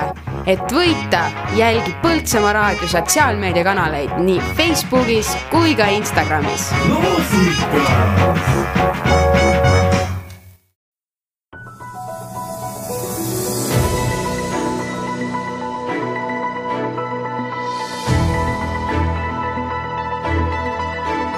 tere, eetris on nii, siin väike opsakas juhtus, aga eks tegijatel ikka juhtub, et ikka te andestate. Nonii, me oleme tagasi. võib-olla olime natuke ülemeelikud ka, see viimane laul oli siiski, küttis kirgi ka siin stuudios, loodame, et kuulajatel samamoodi. see jah, see on lihtsalt kuld, ma ütlen ausalt, see on kuld.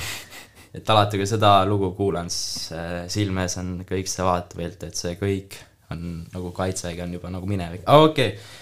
enam kaitseväest ei räägi, ma loodan aga davai, nii Äh, nii, Põltsamaast veel.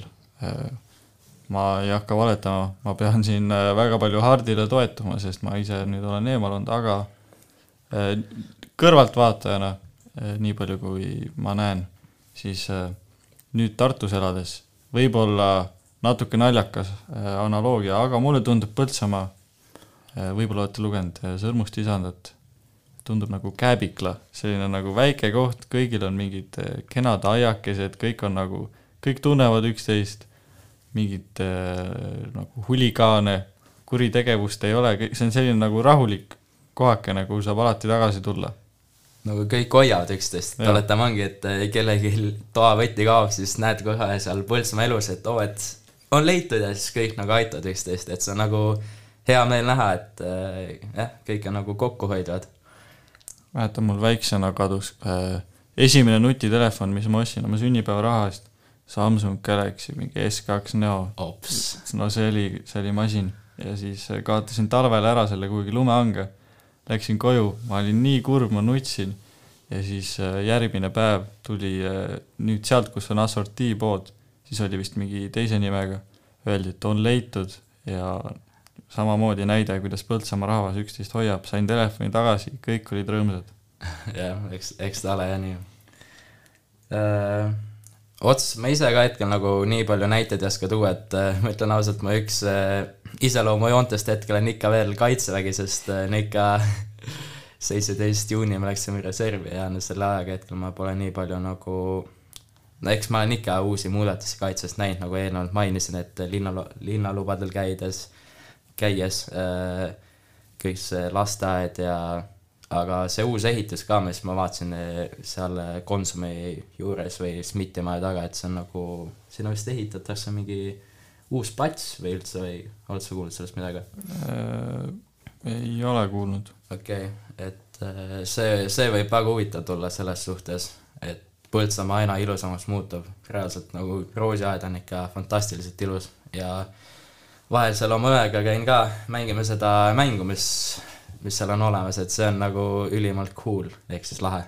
ma ei teagi nüüd, keda kiita, ilmselt siis äh, vallavalitsust, aga jah, tundub, et Põltsamaa nagu areneb väga kiirelt, et enne kui ma, kui siin elasin, siis nagu ei olnud nii palju igasuguseid uusarendusi ja mingisuguseid ehitusi korraga toimumas, aga nüüd äh, siin paari viimase aastaga on päris kiirelt kogu Roosi äh, saar sisuliselt on äh, uue kuue saanud äh, uus pood, meie pood, äh, pitsakiosk tuli tagasi, mis kindlasti ah, meeldib noortele väga, siis lossi nüüd renoveeritakse. kindlasti on lugematu hulk asju veel, mis mul kohe nüüd niimoodi ei meenu. aga Põltsamaa nagu väga kiirelt areneb, mis on positiivne. tõepoolest. Äh, aga Põltsamaa inimestest või Põltsamaa üritustest, siis ma ei tea muidugi, kas see sildade jaoks on ikka nagu traditsioon, aga mäletan, minul kogu kooliaja oli sildade jaoks.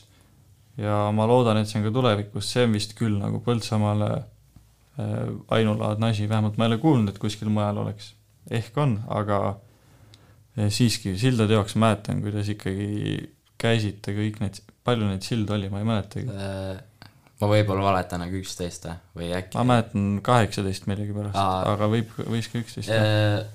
jaa, täitsa võimalik, ma seda vist äh, mäletan hiljuti, mul õde vist ütles, et enam vist nii palju sildi ei jo joosta, et selles ah, suhtes on veits okay. kahju, aga eks see on täiesti arusaadav, et tõepoolest ma ise nõustun ka, et sildade jaoks äh, oma kooliajast äh,, okei okay,, ma rääkisin nagu mingi jah, sellest äh, oma kooli ajal, kui ma noh, olin äh, põhikoolis ja gümnaasiumis, sildade jaoks oli tõepoolest nagu äh, mind ka hästi palju köitis see, et äh, sain osaleda seal ja mäletan, üks aasta mul hästi hea, see oligi esimene aasta, kui ma üldse läksin sinna, ma ei tahtnud üldse väga minna, aga mul head semud, nagu ikka, kutsusid, davai, lähme jookseme.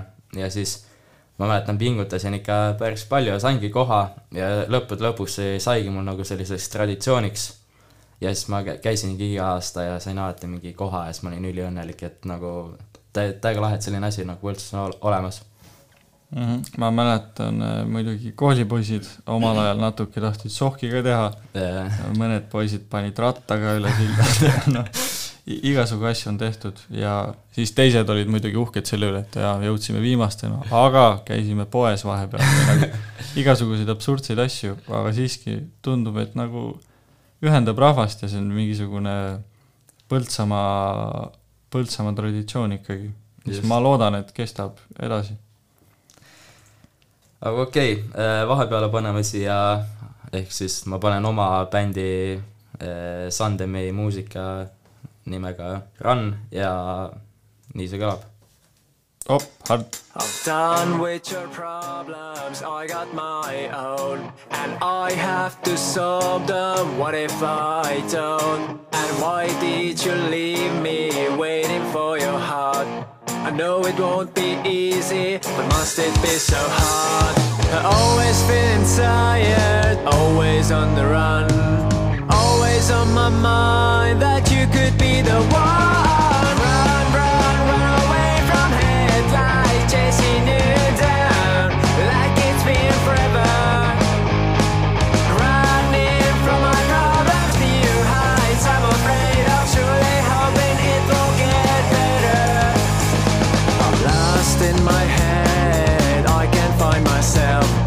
everything you said, you can keep it to yourself.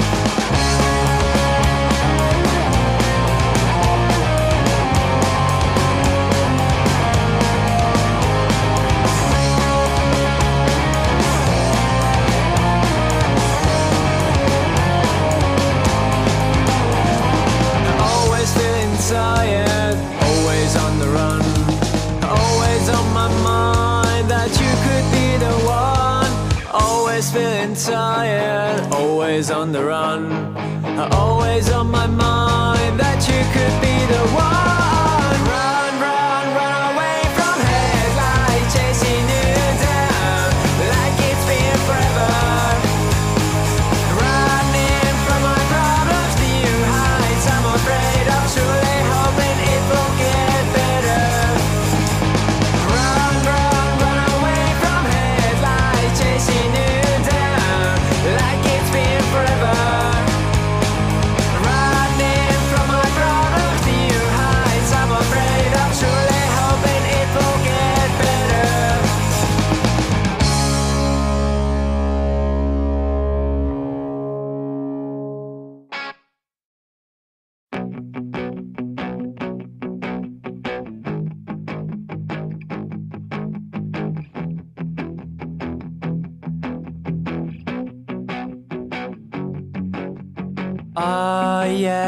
sick and tired of you tossing me around.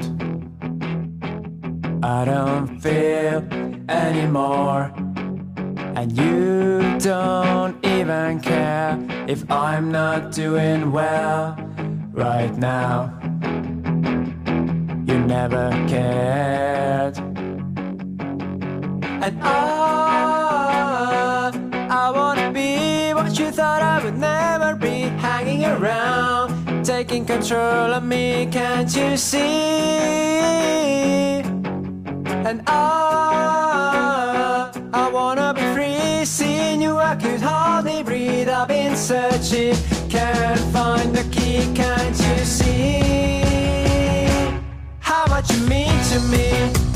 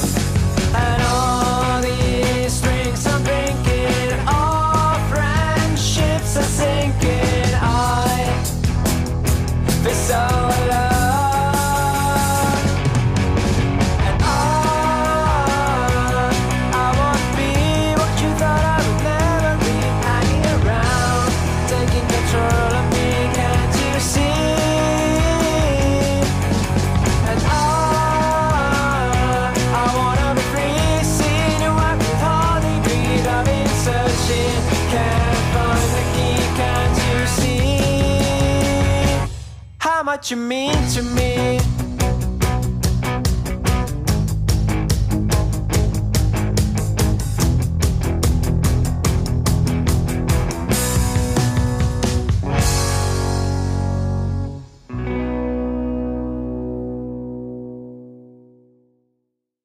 kas oled kuulnud Põltsamaal linna ääres paiknevast pikaaegsest ettevõttest?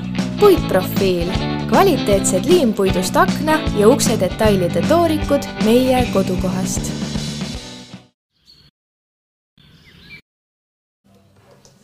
hei, hei Põltsamaa raadio kuulaja, raadios eh, siiski siiani oleme alles mina, Mairo Link ja Hart ja nüüd on jõudnud ka meie imeline külaline Janne Karu, kes siis eh, veel ei tea, korraldab lossipäevi ja tuligi meile nendest rääkima. Kas eh, teed ise väikse sissejuhatuse lossipäevadesse, mis need üldse on, miks nad see aasta siis toimuvad teises kohas? jaa, tere hommikust! no lossipäevad on äh, minu arvates ikkagi piirkonna suurim sündmus, mida ma loodan, et kõik meie valla ja linna elanikud on äh, ikka terve aasta oodanud. Ja miks ta on sel korral siis teises kohas, on äh, kõigile, ma arvan, arusaadav, sellepärast et siin lossi hoovis käivad suured ehitustööd ja kahjuks on see sündmus juba nii suureks kasvanud, et me ei mahu siia sellel aastal ära. ja sellepärast me oleme kolinud siis erandkorras Kuningamäe kardirajale, mis legendide järgi tegelikult ütleb, et kuningas Magnus seal nii-öelda oligi kogu oma aja, kui ta siin Põltsamaal oli, nii et, et ega me väga palju nagu kuhugile kõrvale teest ei ole kaldunud. No igatahes kõlab väga paljulubavalt, üritus on nii suur, et ei mahu siia lossiseinte vahele äragi. Mida siis see aasta oodata on? no väga palju huvitavat on, et võib-olla ma sel, või me see aasta siis panime rõhku rohkem sellistele erinevatele tegevustele, kuna ümberringi on eh, sellel hetkel hästi palju erinevaid laatasid, siis eh, võib-olla siis seal Kuningamäe kardirajal tundub see laada osa selline natukene väiksem, kui ta oleks siin lossihoovis olnud kompaktsemalt koos, aga me anname endast parima ja müüjaid on, väga palju erinevat kaupa on, erinevale maitsele, alates toidust, puidust, lilledest, käsitööst, tehetest ja nii edasi. aga päris palju tegevusi on siis suunatud lastele et äh, lapsed, lastel on kohal ikkagi batuudid, need, mis alati tõmbavad kõiki ja tahavad kõvasti hüpata ja, ja tekitavad sellise mõnusa tunde lastele, siis lasteaia poolt on seiklusrada, noortekeskus on väljas äh, äh, natukene siis suurematele lastele ja noortele suunatud tegevustega nagu challenge mängud, siis Kaitseliidu poolt on meil no noorteinstruktor Kristjan Vaarpuu teeb sellist nagu tule tegemise või lõkke tegemise töötuba, jalgrattakeskus teeb et oli vist elektritõukeratta ja jalgrattaga siis sellist sõitu seal tagapool, kus on sellised mäed ja saab sellist ennast proovile panna, siis meil, kui kõik hästi läheb, siis ikkagi on meil kohal rannaranšo loomad. Loodame, sellepärast et kuna lubab ikkagi suhteliselt kuuma ilma, siis ega loomadega pole kerge seigelda. siis on meil veel sellistele inimestele, kes tunnevad, et tahaks midagi teistsugust, siis on meil ka selgeltnägijad kohal, kes siis äh, kõigepealt teevad inimestega ühi-, ühiskohtumise nii-öelda ja pärast on siis individuaalkohtumised võimalik äh, ette võtta, äh, siis on lastele mänguline jooga, siis meil on erinevaid töötubasid veel, traditsiooniline laadavaiba kudumine, käsitöö patsi kudumine. Siis saab discgolfi õppida, mölkit, petangi mängida, korvpallivaba viskeid ja, ja ranna ääres on ikkagi rannavolle siis või rannavõrkpall või kuidas seda nimetatakse. nii et tegelikult on tegevusi terveks, terveks päevaks päris palju, et, et olemegi siis suunanud rohkem nii-öelda siis selle, selle peretegevustele ja noh, olgem ausad, ega siis esinejad ju ka halvad ei ole, et, et lastele on seal Lotte muusikatund, siis on Kerli Padar meil laval ja ansambel Groove, mis minu meelest on ka sellistele noortele juba lemmikuks saanud. kas teie poisid teate? ossa, et tegevusi ikka nii palju jätkus, et no see on täitsa aru saada jah, miks Põltsamaa lossi enam ära ei mahu. jah, et kuule, me peame sinna Kaitseliidu sinna kindlalt minema, et me seal, aga samas, kui me läheks, siis äh, ma pakun teised, äh, ei oleks võimalus võita seal, okei okay. aga ei, see korvpalli, see juba mind köitis siin, et äh, eks ma pean oma semudega siin rääkima ja kindlasti seal midagi tegema, okei okay.. aga Janne, mul sulle väike küsimus, et et rahvale ma pakun ka, et mis on selliste pidude laiem tähendus ja miks neid nagu vaja on? no meie ikka korraldame seda oma rahvale ja miks neid vaja on, et tuua ikkagi sellist vähe professionaalsemat äh, siis kultuuri inimesele lähemale, vaadates tänapäeva hindasid, et on see ikkagi suhteliselt kalliks läinud ja me oleme proovinud ikkagi oma hinnad hoida samal tasemel ja et inimene saaks siinsamas kodu lähedal käia ja nautida siis siis sellist head sündmust, mitte sõita võib-olla saja või kahesaja kilomeetri taha. ja võib-olla siinkohal ma nagu ütlengi, et, et võib-olla päris mitmel tekitab tuska see, et, et päevapilet on viis eurot, aga kui te kui te, kui te kuulasite mind ikkagi tähelepanelikult, siis tegevusi ja artiste on päris palju päevasel ajal ja viie euro eest, ma arvan, on seda nagu küll ikkagi. et ei tohiks nuriseda, et, et miks, miks, miks. aga nüüd, kus siis on kardirajal, eh, noh, noor inimene muidugi, jalad all, tuleb ise kohale, aga oletame, keegi tahab näiteks vanaema, vanaisa kaasa võtta, kas sinna kardirajale on ka mingisugune transport kuidagi võimalik? jaa, on ja siinkohal ma tahangi tänada äh, Eltorit ja Leo Tõnsonit, kes meile tegelikult appi tuli, et meil sõidab äh, buss äh, mis on tasuta, siis ta hakkab sõitma üheksa kolmkümmend, stardib Kultuurikeskuse juures, siis on Decora parkla juures peatus ja siis Kuningamäe tankla parklas nii-öelda või tankla juures on peatus. ja tegelikult sõidab meil ka see lõburong, siis see piilupardirong, et selle eest küll tuleb inimesel maksta siis kaks eurot, aga noh, see ongi valikute küsimus, et äh, kas ma tahan äh, lõbu, lõbusalt sõita või siis bussis sõita, et, et ja, ja, ja buss sõidab terve päeva vältel siis pooletunniste vahedega ehk poole tunni algab üheksa kolmkümmend Kultuurikeskuse juurest ja kell kümme siis tuleb juba Kuningamäelt tagasi, nii et ja siis kuni kella nelja, kell neli on siis viimane start no ühesõnaga tundub, et mingit nagu vabandust ei tohiks nüüd küll olla, miks ma ei saa minna Just, et- lossipäevadele, et isegi transport on ette ära tehtud. ja veel viie eurost selline pakkumine, et nii palju äh, atraktsioone ja tegevusi, et see on nagu ülimalt kihvt. jah, ma, me ise ka loodame, et, et see kuumus inimesi ära ei ehmata, et võib-olla ma võin eh, siis rahvale öelda nii palju, et kuna me oleme nagu ikkagi mäe otsas, siis seal on ikka tuulisem kui, kui linnas eh, mitme maja vahel, nii et, tuult peaks seal ka jätkuma. et eh, me ikkagi ootame head osavõttu, seepärast et ma usun, et see tuleb väga ilus päev. ma usun ka, aga Hart, äkki teeme väikse muusikapala vahepeal? jaa nimelt paneme nüüd uuesti kolmandat korda Sandemi muusikat, need tuleb ikka läbi kuulata ja nimelt loo nimi on Crazyland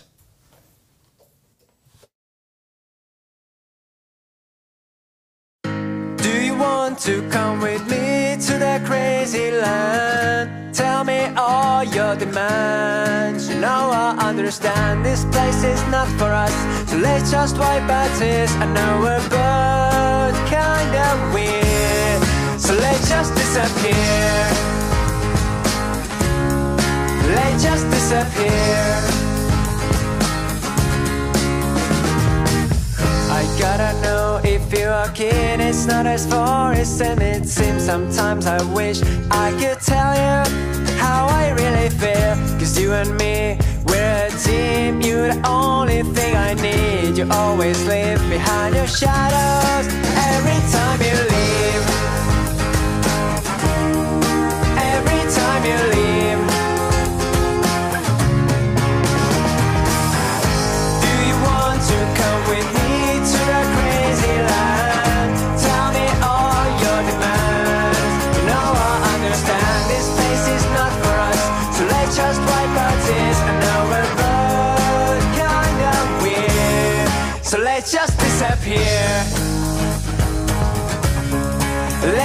Disappear. You're special, you're beautiful, your shadow's colorful. You make me feel a better man. Every way you can, so let's just go away before the light of day. Whatever makes you come with me, I do as you say. I do as you say.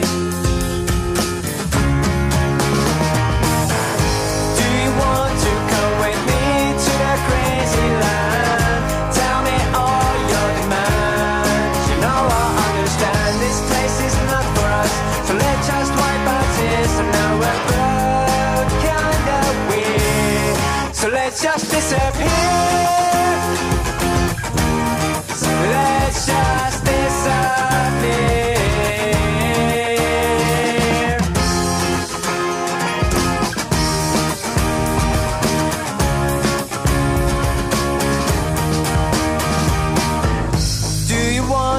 come with me to the crazy land? Tell me all your demands. You know I understand this place is not for us, so let's just wipe our tears. I know we're both kind of weird, so let's just disappear.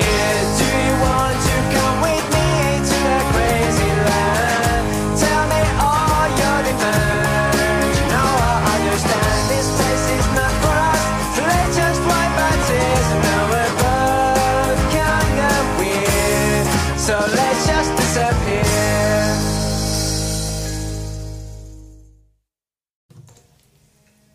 nii, nii eetris ikka Mairolink, Hart Saksniit ja Janne Karu ja on äh, ka legend liikvel, et äh, Põltsamaa lossipäevadel on ka õhtune programm.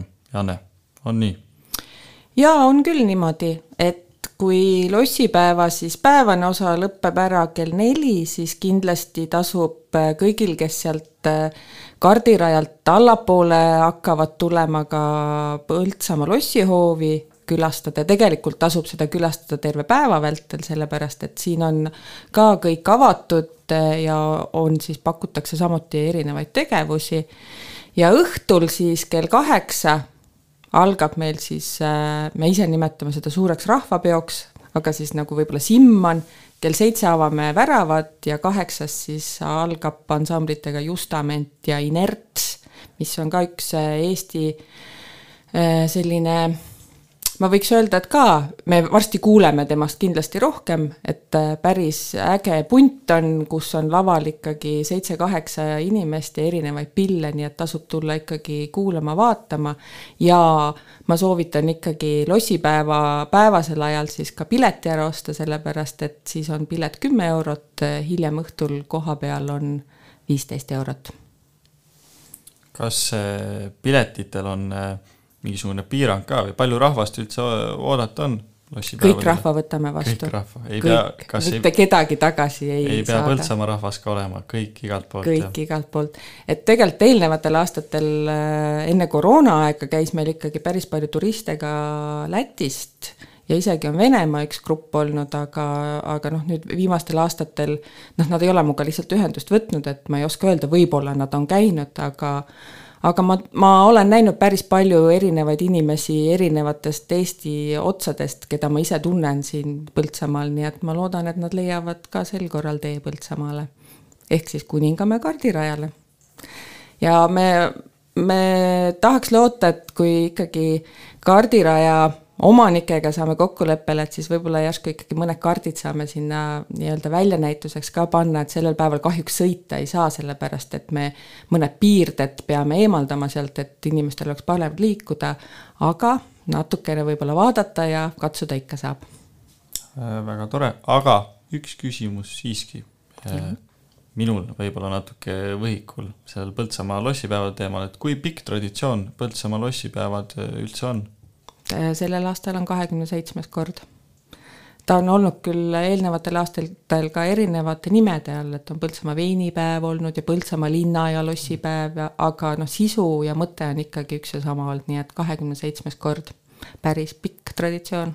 ja kas noh, iga aasta muidugi nüüd kasvab see üritus, kuidas sa tunned, kas on raske ka eest vedada sellist asja, kus on nüüd nii palju osalejaid ja oodata on ka väga palju siis külalisi, erinevad programmid, kõik?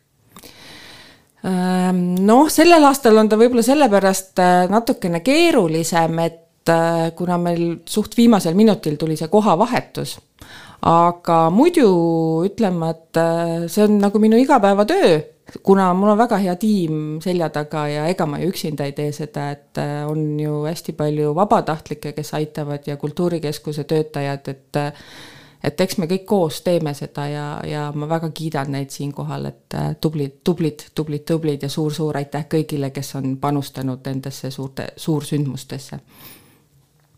Äh, kas sul on äh, midagi veel lisada, mingisuguseid sneak peek'e nii-öelda lossipäevade kohta, mida rahval oleks hea teada?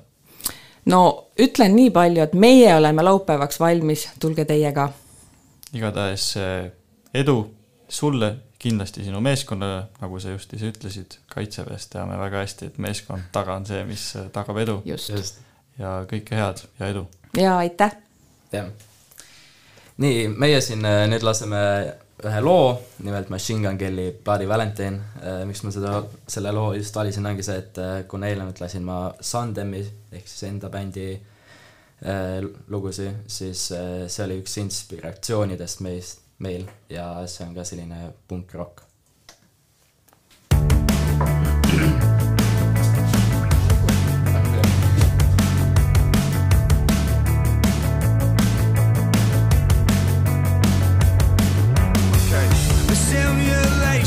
just went bad, but you're the best I ever had. Like handprints in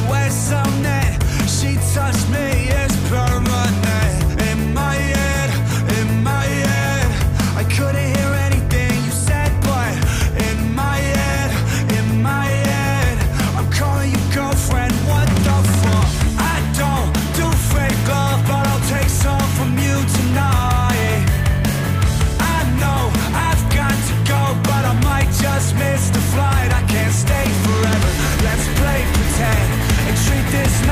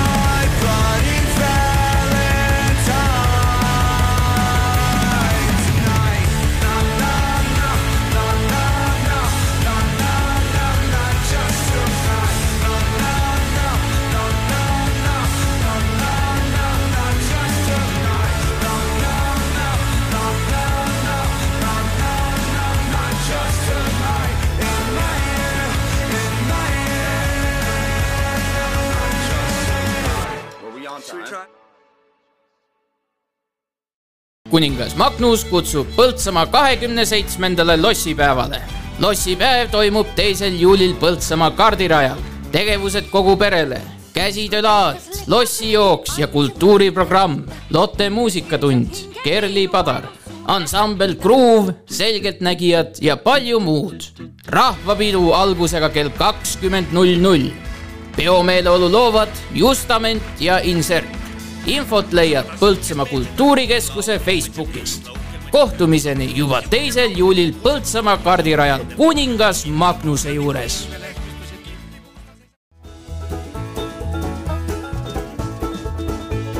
Põltsamaa raadio hea sõber ja toetaja on Vali Press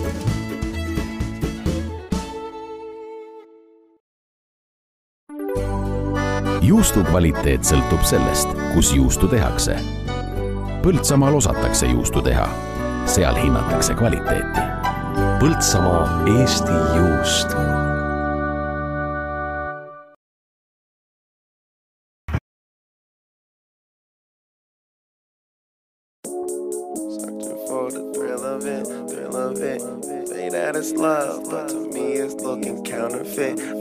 done with one and move right on to another bitch. yeah, yeah. Uh, college educated, she graduated. Any bill she can't front, her parents paid it. The show was far, you the only one with a car out your girlfriends. But being that she's a big fan, of course she made it. Most girls wanna hide the fact that the thrill they chasing. But you just wanna get drunk tonight and fuck someone famous. So I just name a time and a place and your game for it. Value player, hotel room, meet you there. DJ Rockstar.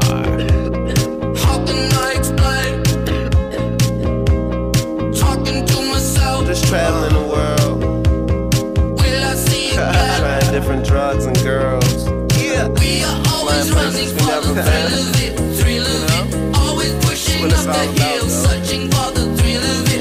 all alone, alone, we are calling out, not again. Never looking down, I'm just an aura, what's in front of me. Addicted to champagne. Fuck the room, we ride a whole way. Bitches, I Taylor gang that. They just wanna know where the plane's at. Um, take the low one out of there. Like, just turn it down. And then I'ma um, probably just go back and double another one of them high ones. I want them shits to be like real airy, fucking dreamy and shit. Wake up drunk, go to sleep fucked up. Fucked up. We both amazed at what we just done. Just Mixing drinks, knowing we'll regret this. Ain't been asleep yet, room service bringing us breakfast.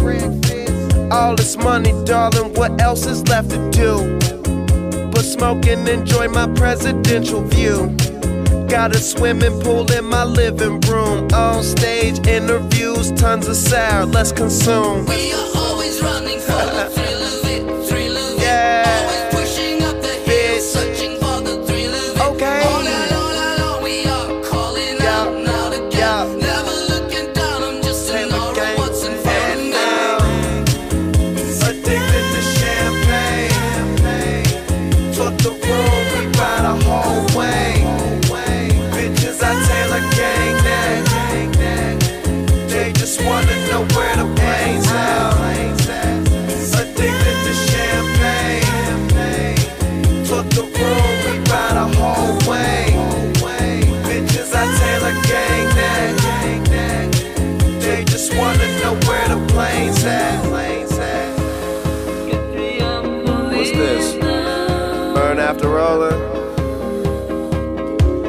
that's what it is. Until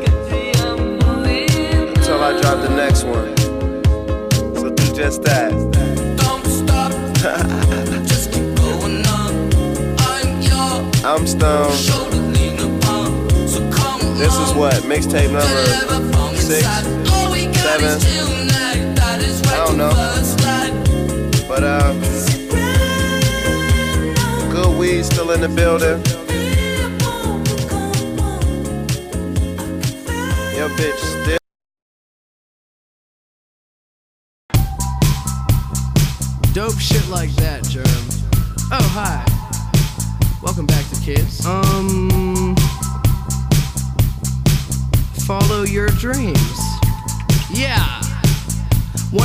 Mansion, a jacuzzi, a theater to watch my movies, couple whips and lots of fancy things. The kids they call the Goonies. I see the future, crystal ball, mirror, mirror hanging on the wall. Who the fly white boy of the mall? Got your girlfriend screening all the calls. She bubbling, we fucking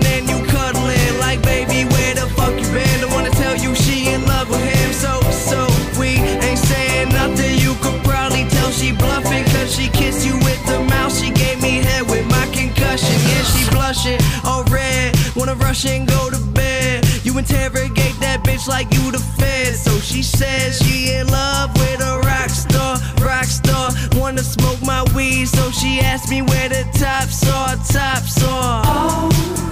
Top drawer. Oh. yeah.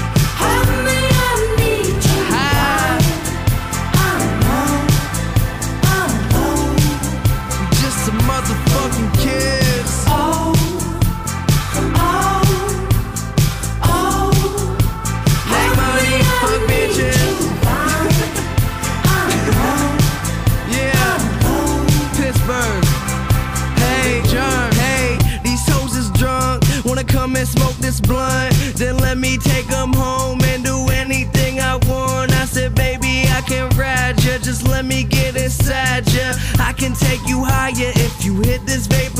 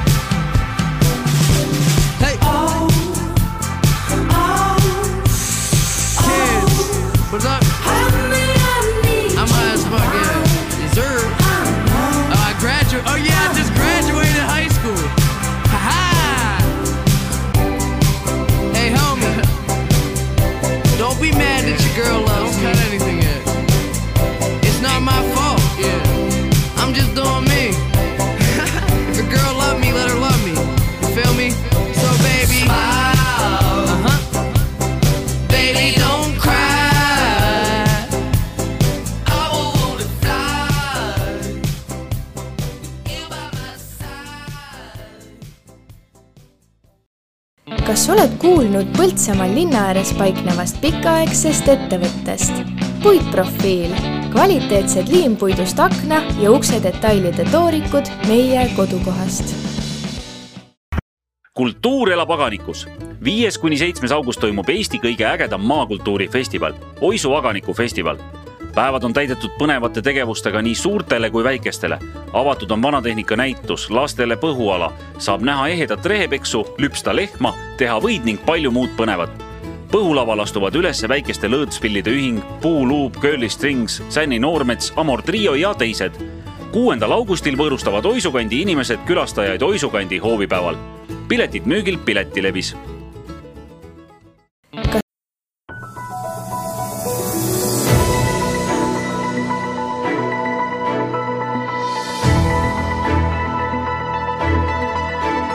tere, eetris on Põltsamaa raadio uudised, stuudios uudistetoimetaja Johanna Järva. Põltsamaa vald kogub annetusi Ukraina sõjapõgenike aitamiseks. Põltsamaa vald pakub tööd. Põltsamaa Ühisgümnaasiumisse kandideerimise vastu on varasemast suurem huvi. tulemas on hoidiste konkurss Põltsamaa põnev purk Põltsamaa vald tegeleb Ukraina sõjapõgenikele abi pakkumisega. arveldusarve numbrile jääb põltsamaa.ee kodulehelt. elamispinna pakkumiseks saab võtta ühendust Mark Liivamägi või Karro Külanurmega. samuti on Põltsamaa vald valmis vastu võtma meie valla ettevõtetes töötavate ukrainlaste peresid ning pakkuma neile peavarju ja muud vajalikku abi. kogu informatsioon on saadaval põltsamaa.ee kodulehel. aitame Ukrainat märgi all. räägib Mark Liivamägi no kindlasti üks asi on see, et äh, kui poodides ikka näete, et äh, kogutakse äh, toiduaineid, siis need on nii meie, Eesti inimestele, kui ka tegelikult sõjapõgenikele nende abistamiseks, et väga paljud nendest kas ei saa tööle näiteks minna, et ongi näiteks naine tulnud kahe väikese lapsega, et tal ei olegi võimalik ja siis toiduabi on neile ikkagi noh, väga-väga oluline. teine asi on see, et noh, näete ise ka, et väga soe suvi on vist äh, vähemalt alanud väga soojalt, et äh, nendel pole selleks ka vajalikke riideid, et äh, vajadusel uusi puhtaid riideid on. Põltsamaa vald pakub tööd rahandusosakonna juhatajale ning ehitus- ja planeeringuspetsialistile, jätkab Kätlin Toom. Info kvalifikatsioonide ja kandideerimise kohta leiab poltsamaa.ee lehelt mõlemale ametikohale saab asuda niipea kui võimalik ning töö on täiskoormusega, räägib Kristi Klaas. jah, et äh, Põltsamaa vallavalitsus ootab äh, oma meeskonda ehitus- ja planeeringuspetsialiste, rahandusosakonna juhatajat. tegemist on siis ametikohtadega, mis on vabanenud, ei ole uued ametikohad. kindlasti eeldab see sellist äh, julget vastutuse võtmist nendelt, kes oleks huvitatud kandideerima ja kuna, kuna ülesanded on kindlasti sellised vastutusrikkad ja, ja saab nagu väga palju valla nii-öelda piirkonna arengusse panustada. ja kandideerimise tähtaeg on siis äh, viisteist august järgmisest õppeaastast alustab Põltsamaa Ühisgümnaasiumis õpinguid ligi viiskümmend gümnasisti. gümnaasiumisse astumise vastu tuntakse suurt huvi ning õpilaste arv on kasvamas. tulev gümnasist saab valida ettevõtlus ja majandus ja infotehnoloogia ja küberkaitse õppesuundade vahel räägib gümnaasiumiastme õppejuht Maive Noodla. ma arvan, et meie õpilasi kõnetab kõige rohkem see, et nad saaksid ise päriselt midagi ära teha, mida meie oma gümnasistidele ka väga palju pakume. Et äh, põhilise siis üldgümnaasiumi hariduse kõrval on väga palju võimalusi tegeleda oma hobidega, olla aktiivne gümnasist, lüüa kaasa kooli tegevustes, äh, osaleda projektides. Ja see on, ma arvan, üks asi, mis meie kooli ka noori tõmbab, lisaks sellele, et, äh, et meie kooli õpetajatel on väga hea maine just selle koha pealt, äh, et ühest küljest head oma ala spetsialistid ja teisest küljest, et meie õpetajad märkavad, hoolivad, toetavad ja kaasavad õpilasi erinevatesse tegevustesse ja, ja aktiivsesse tunni kulgemisse. tulemas on hoidiste konkurss Põltsamaa põnev purk, jätkab Kätlin Toom Põltsamaa Sõnumid mittetulundusühing kuulutab välja hoidiste konkursi Põltsamaa põnev purk. ajaleht Põltsamaa valla Sõnumid kutsub kõiki kulinaariahuvilisi avastama uusi maitseid ning neid teistega jagama, räägib Kristi Seppri. Põltsamaa põnev purk konkursi idee sai tegelikult alguse eelmisel aastal Põltsimaa kohvikute päeval, kui ma ringi kõndides vaatasin, kui palju ägedaid hoidiseid pakuti nii müügiks kui erinevate toitude kõrvale. siis ma mõtlesingi, et sellest saaks väga äge konkurss. kindlasti peaksidki osalema kõik inimesed, kes tahavad oma loomingut äh, teistele tutvustada. see on väga hea võimalus selleks mina olen toimetaja Kätlin Toom ja kahekümne üheksandal juunil ilm.ee andmetel on täna vähese ja vahelduva pilvisusega ilm. Mitmel pool sajab hoovihma ja on äikest. äikese ajal on sajuhood tugevad ja võib sadada ka rahet. puhub mõõdukas idakaare tuul puhanguti kaksteist meetrit sekundis. äikese ajal on puhangud tugevamad. õhutemperatuur küündib kahekümne kuue kuni kolmekümne ühe soojakraadini. Raplas ja Viljandis on kakskümmend kaheksa soojakraadi, Võrus kakskümmend seitse, Põltsamaal ja Tartus kakskümmend kuus, Tallinnas kakskümmend kolm, Jõhvis kakskümmend kaks ja Kuressaares kaheksateist soojakraadi. Eetris olid Põltsamaa raadio uudised.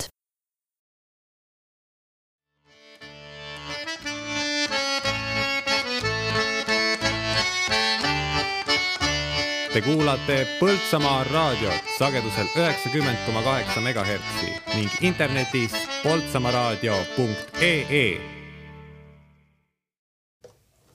no nii, uudised kuulatud, lossipäevade tutvustus ka kuulatud, tundub, et Põltsamaal ikka toimub, toimub päris palju asju, ma isegi olen imestanud, et Põltsamaal nagu no see on tõesti kogukonnaelu, mis siin linnas toimub. või mis sa arvad, Hart? ei, tõepoolest, pluss eh, kindlasti see roosiaed, see ikka mind kripeldab või üldse, et see on nagu ülimalt ilus, et mulle meeldib sealt alati mööda kõndida. aga äh, minul isiklikult jäi Põltsamaa uudistest kõrva just see äh, gümnaasiumi nii-öelda, kuidas öelda, reklaam siis. ise oleme suht värsked lõpetajad gümnaasiumist, nüüd äh, aasta ajateenistust vahel. mul on ka üllatus raadiokuulajatele varsti peale lühikest äh, laulu, mis natukene hiljem tuleb, on äh, selline raamat nagu Põltsamaa Ühisgümnaasium sada ja ajalugu meenutustes, mille me kõik saime siis äh, gümnaasiumi lõpus, kus ma hiljem loen siis mõnda naljakat lugu teile. aga Põltsamaa gümnaasiumist üldiselt. mina kolisin Tartusse, käisin ikka edasi siis viimase klassi gümnaasiumis ja mina olen Põltsamaa Ühisgümnaasiumiga suures pildis väga rahul. või kuidas, kuidas sulle see kool meeldib? mina samuti, et äh, õpetajad olid äh, mul väga head, et mul natuke kahju, et äh, õpetaja Agne Kask läks nüüd minema ja Eda Kiis, aga no mis teha, et see jah, selles suhtes jah, Agne oli goat. Agne oli goat, jah.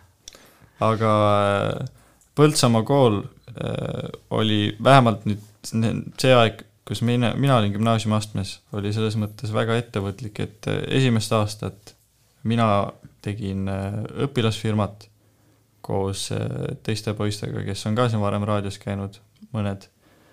ja see, me olime siis nagu nii-öelda pilootfirma või meie firmad siis selle aasta lennust.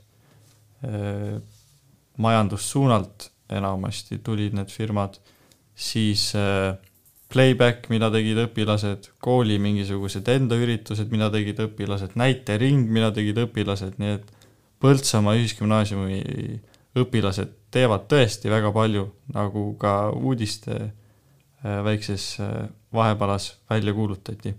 aga nüüd äkki väike sissejuhatus, mõnus kooliteemaline laul ja siis loemegi teile väljavõtteid Põltsamaa Ühisgümnaasiumi ajaloost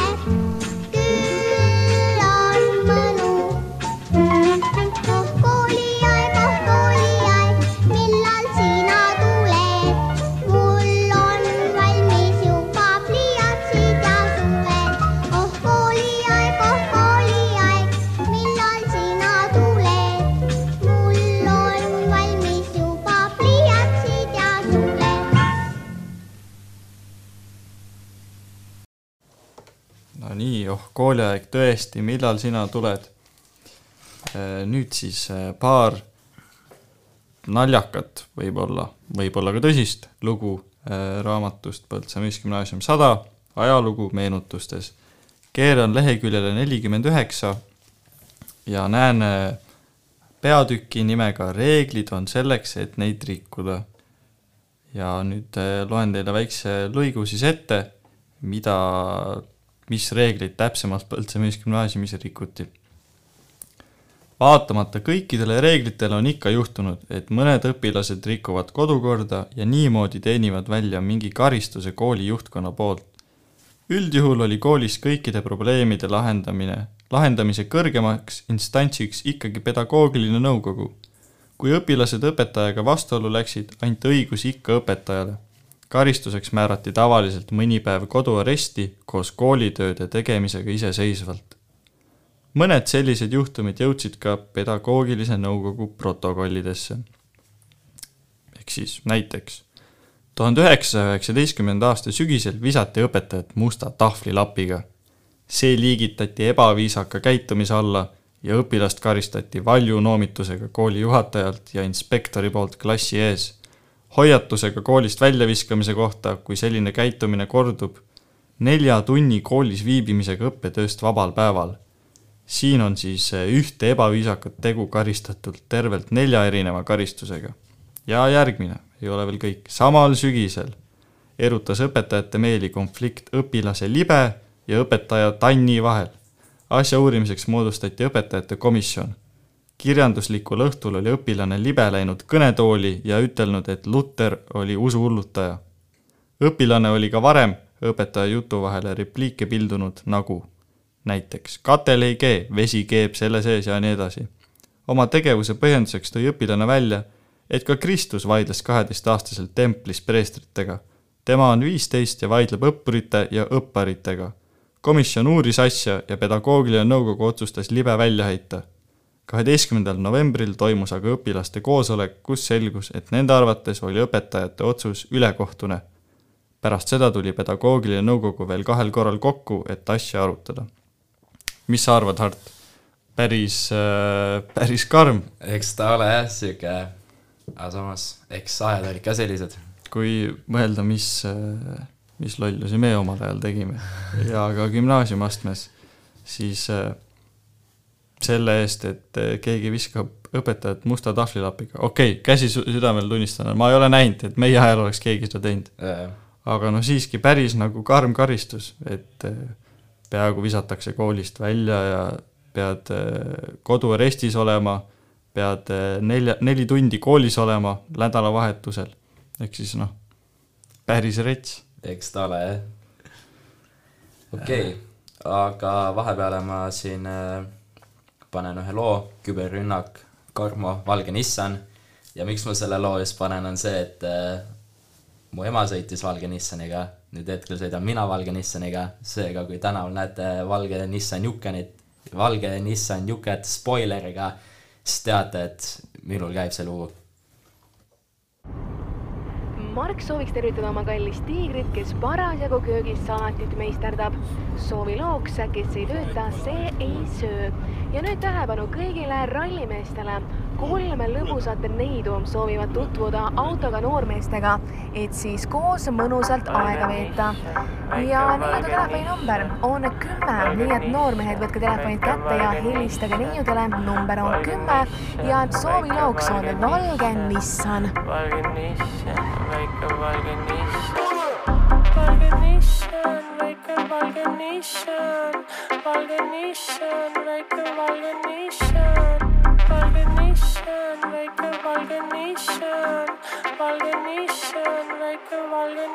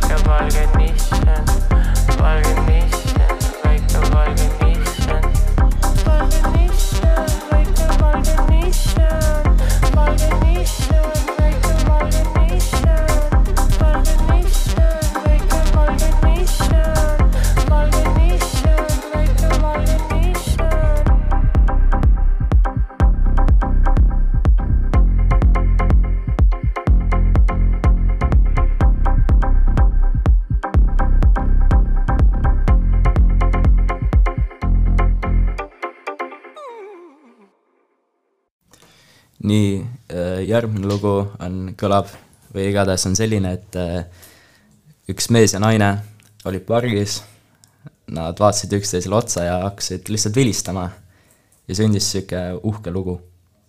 ja see on Peeter, Bjorn and Johni poolt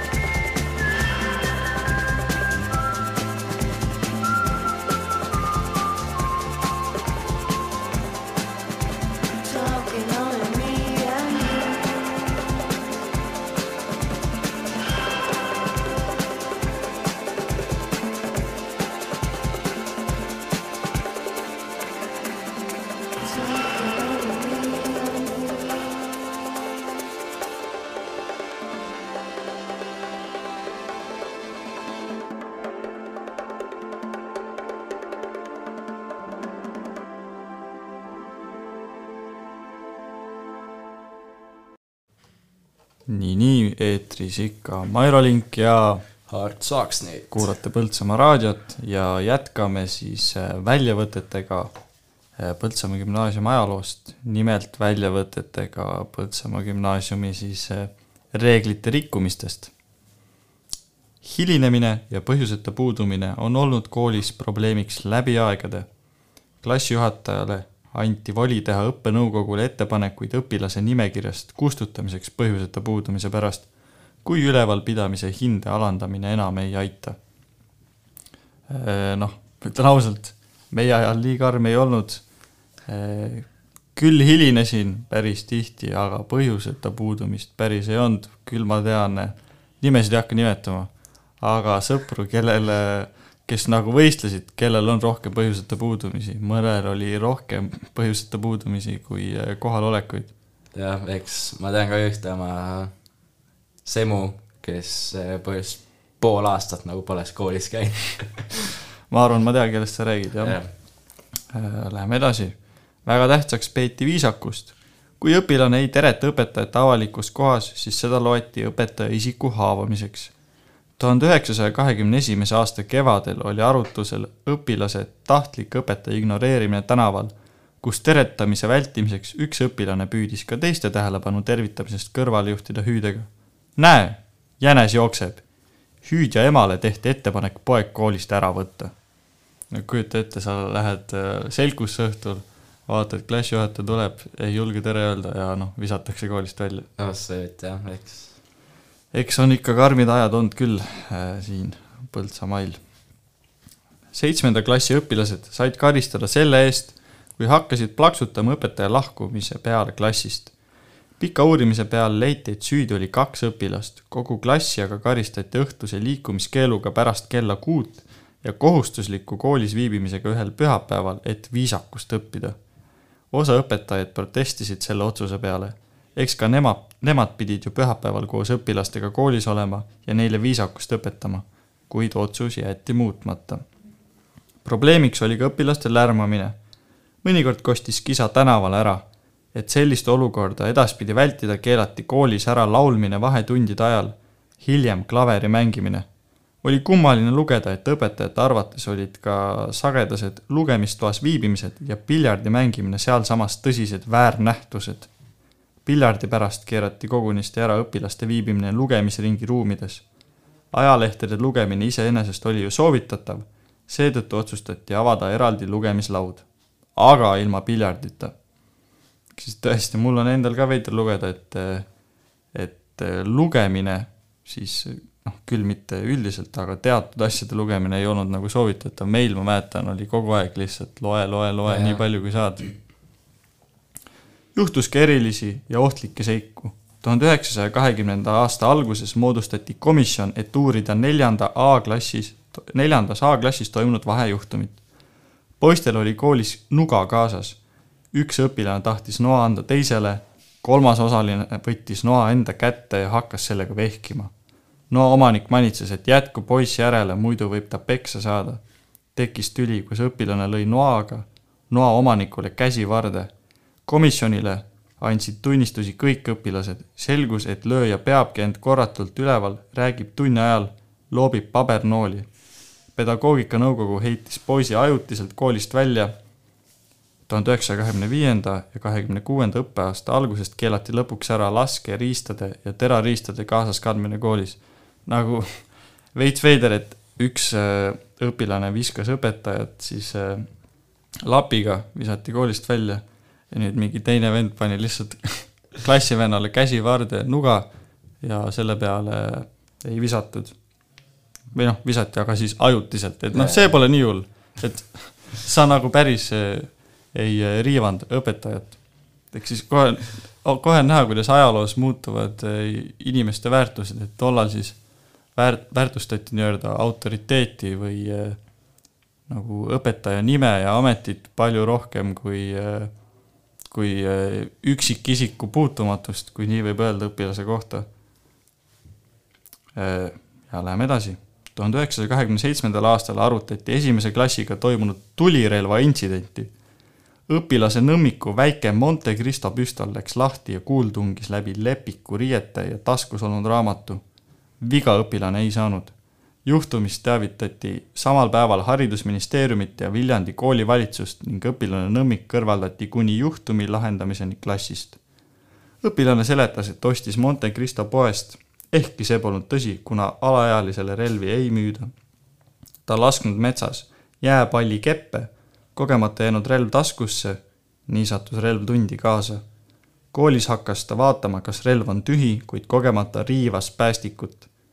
pedagoogikanõukogu otsustas, et õpilane Nõmmik oli süüdi enda, endale laskeriista muretsemises, selle kooli toomises ja ettevaatamatult tunnis käsitsemises ning vanematele tehti ettepanek õpilane koolist ära võtta. Õnneks lubati õpilane siiski uuesti kooliteed jätkama uuel õppeaastal et noh. väga julm ikka noh. Lä-, läbi aastate on ikka gängsterid käinud siin Põltsamaa gümnaasiumis. tuhande üheksasaja kahekümne kaheksanda aasta kevadel uuriti esimese A-klassi päevaraamatu kadumist. leiti süüdlane ja vanematele tehti jälle ettepanek õpilane koolist ära võtta.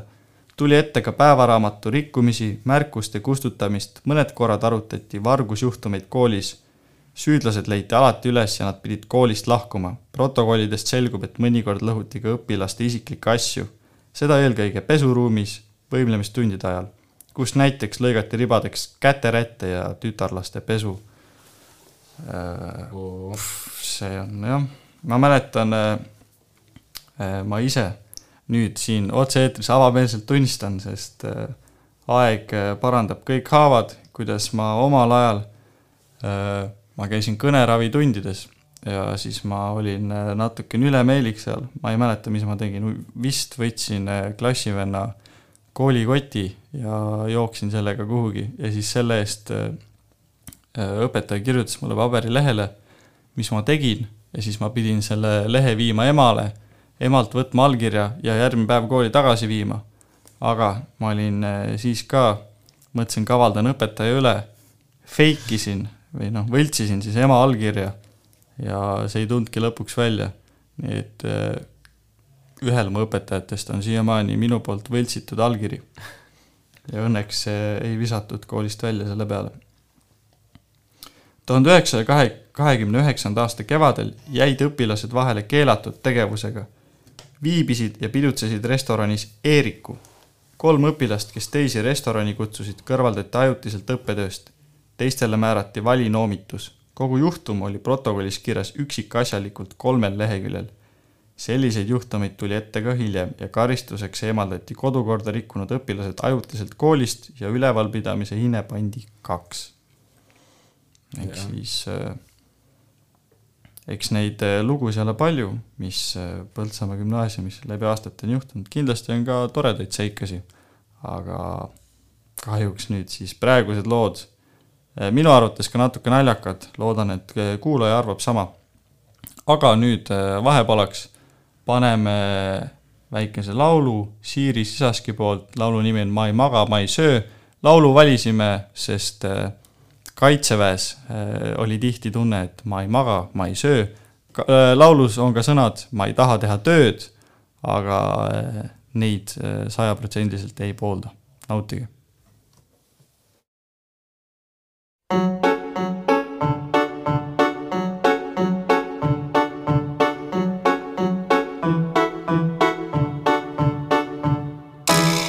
sellel õhtul, kui sa ilmusid mu ellu, oli liiga, liiga imeline tunne see, ma ei saanud uskuda, et nii võib ja nüüd mu mällu, sa oled jäänud minu unistustesse, ma sulen silmad ja ma näen ja ma näen ja ma näen sind jälle. aga sinu lähedust sul aimu tunnen ma, hai, hai ja praegu just ma tahan öelda sulle et ma iial iialgi sind ei unusta.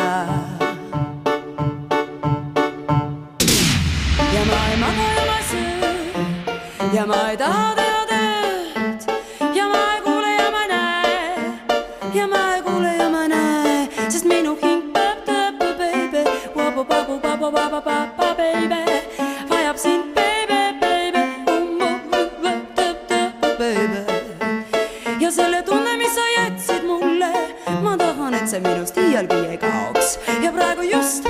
tahan öelda sulle, ma olen kasvanud su jaoks.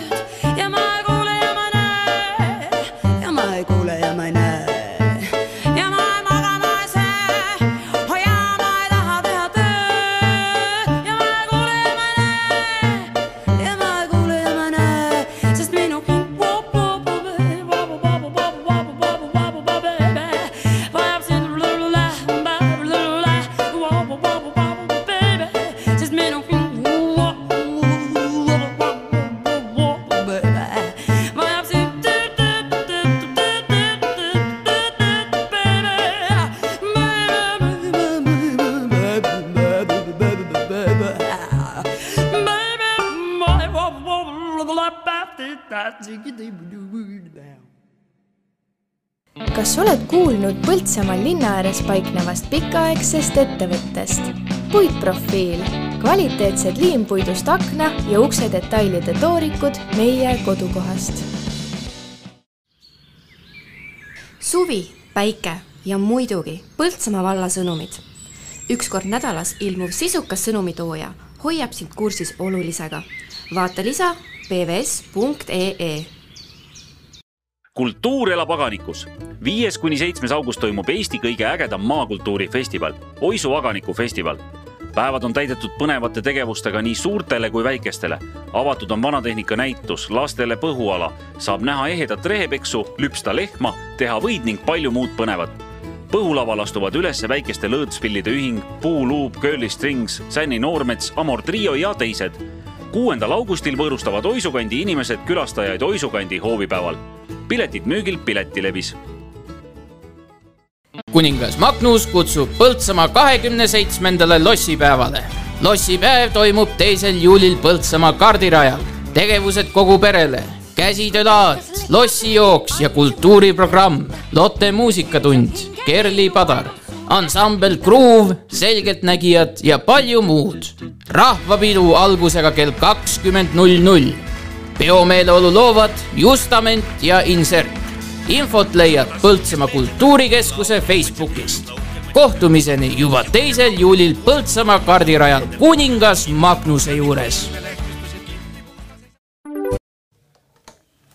eetris ikka Maerolink ja Hart Saksnit Äh, jätame nüüd Põltsamaa gümnaasiumi äh, igasugused negatiivsed vahejuhtumid kõrvale ja läheme ühe väga huvitava seltsi juurde, mis Põltsamaa gümnaasiumis äh, esimese vabariigi ajal oli.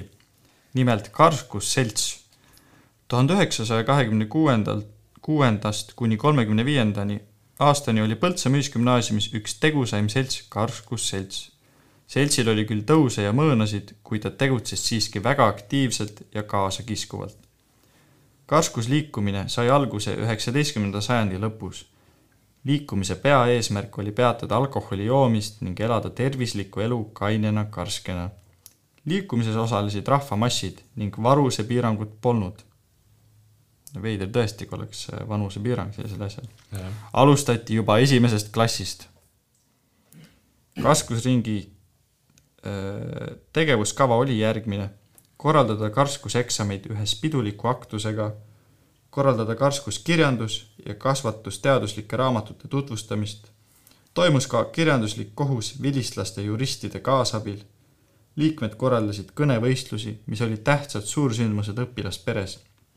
tihti korraldati õpilaste huviõhtuid, samuti valguspiltide õhtuid, maleturniire, anti välja õpilastööde album, levitati karskuskirjandust ja nii edasi tähtis ülesanne oli lugemislaua korraldamine.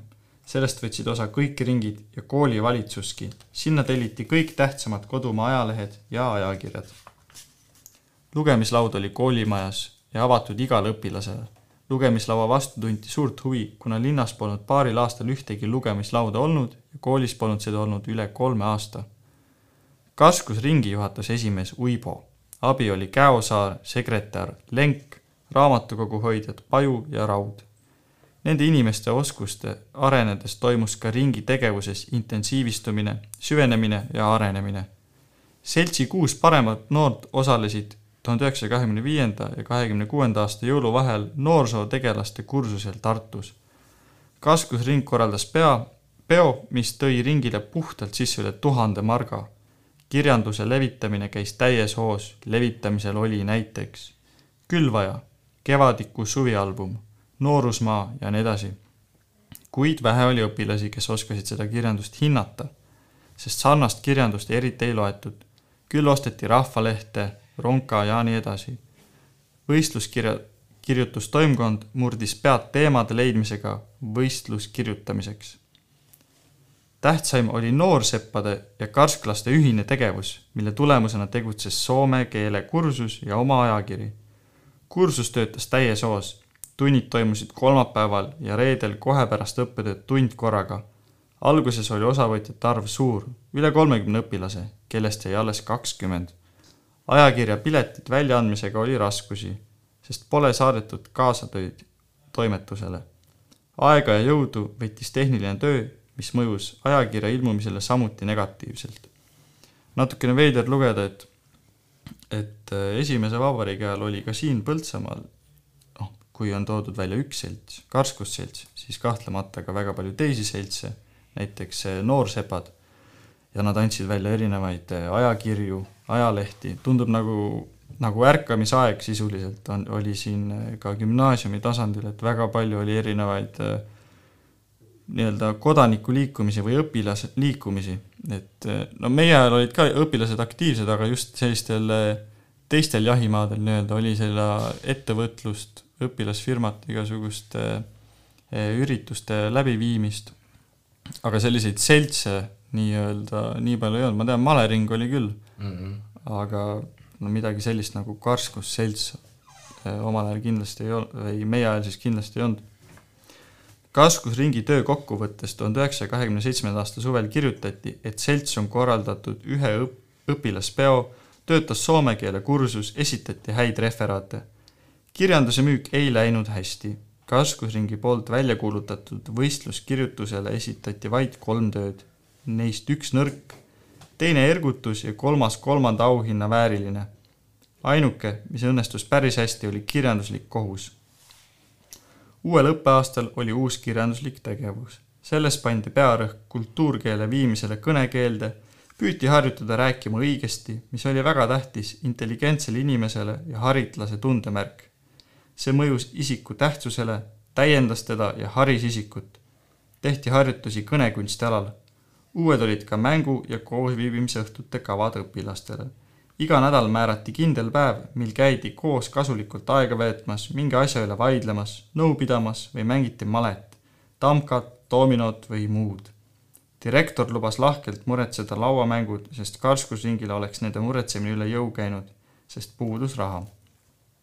karskusseltsi käive oli kuusteist koma kakssada seitsekümmend kaheksa senti, liikmeid oli nelikümmend viis iseäralik oli see, et pool liikmeist olid esimesest klassist ja neljandik viiendast klassist, kuna vahepealsed klassid olid vähemuses. üldiselt võis märgata karskusmeelsuse tõusu nooremates klassides, näiteks esimeses ja teises. harilikult lõpuklassi õpilased loobusid karskusest ja hakkasid alkoholi tarvitama, mis oli omane kõikidele koolidele ja oli karskusteadlaste uurimiste tulemus. tuhande üheksasaja kahekümne üheksandal aastal osales karskusringis päris arvukalt abituriente ligi kolmkümmend viis protsenti liikmete üldarvust. üldiselt võis märgata õpilaste oma tegevuse intensiivsuse tõusu. see on tõesti veider, et eh, peaaegu nagu eh, rahvaküsitlus või selline sotsiaalne uuring on läbi viidud. et lõpuklasside õpilased loobuvad karsklusest ja hakkavad tarvitama alkoholi et selliseid nagu, eh, selliseid asju aeti siis läbi mingisuguste sotsiaalsete toimingute, tehti küsitlusi ja uuringuid. korraldati vaidluskoosolek teemal, kas täiskasklus või parasus. koosolek kujunes otse suursündmuseks. vaieldi neli tundi suures ägeduses, mis jätkus pärast koosolekut, toimus kirjandus muusikalise omaloomingu õhtu arvuka publikuga nii õpetajate kui ka õpilaskonna osavõtul. õpilased kandsid ette algupäraseid teoseid nii kirjanduses kui muusikas. esineti soolodega, paljud esinejad olid debutandid esinejatele avaldati sümpaatiat, neid kutsuti mitmed korrad välja. kaskusringi töökavas oli korraldada suurejooneline kõnevõistlus ja mõni vaidluskoosolek. ühtlasi valmistuti ette karskuseksamiks. huvitav, milline see karskuseksam välja näeb, et äh, pead lihtsalt äh, kainena kohale tulema. aga Hart, mis sa üldiselt arvad sellisest aktiivsest äh, seltsiliikumisest? Ei, see on väga huvitav, et selles suhtes nagu eks äh, eks siiamaani on selliseid enamasti noh, ma tean, Viski selts oli vist või, või ei ole? Äh, põl-, noh, see nüüd kuulajale, et see kooli juures ei tegutse. või no jaa. loodetavasti aga aga ja ma tean, Põltsamaal on küll mingisugune viskiklubi vist ja, ja siis õlleklubi ka veel. jaa, no õlleklubi jah, see on, seda ma tean, sellega ma selles suhtes äh, äh, Äh, olen hästi lähedane, et noh, ma ise seal liige ei ole, aga ma tean inimesi ja noh, mul üks isa on ka kindlalt liige, aga okei okay,, vahepeale paneme ühe loo Post Malone Go Flex, äh, nimelt tuletada meelde neid Weekend'i aegu, et kes käis The Weekend festivalil, mul oli see ainus ja viimane ja seal oligi Post Malone ja tuletada lihtsalt neid hä häid suveaegu, eks siiamaani on äh, selles suhtes nagu üliilus suvi ja see, see ongi see lugu, millega seda väljendada.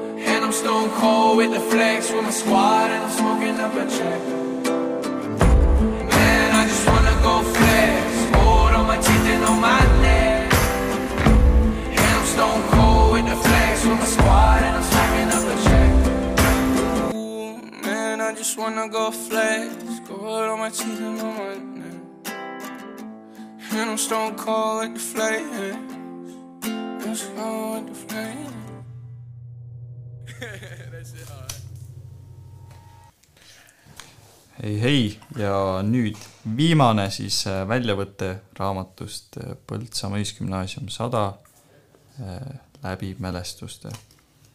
see nüüd viimane tekstilõik läheb kindlasti ka veel noorematele ja siis noh, ma eeldan, et Põltsamaa inimestele üldiselt on samastumist siin, sest ma usun, et seda õpetajad teavad paljud. Vene keelt õpetas küllaltki karm, kuid hea õpetaja Anne Johanson, kes mõistis ka, huumorit, kui selleks meeleolu või vajadus oli. esimene vene keele sõna, mida õppisin, oli kott. see oli kirjutatud klassipildi alla, tundus nii naljakas, no mis kott see on, ta on ju kass. mul ei läinud koolis hästi ja seetõttu oli päevikus märkusi palju. Neid oleks seal rohkemgi, aga mõnikord ma ei andnud õpetajale päevikut või ütlesin, et jäi koju õpetaja Johanson ei jätnud kunagi jonni ja sai minu päeviku ükskord ka põuest kätte, torkides mind ja minu põues olevat päevikut sõbralikult pastakaga. järjekindlus viib sihile. ja äh, ma arvan, sama mulle meeldis ka õpetaja Johanson väga. Äh, ta oli põhikoolist alates minu vene keele õpetaja.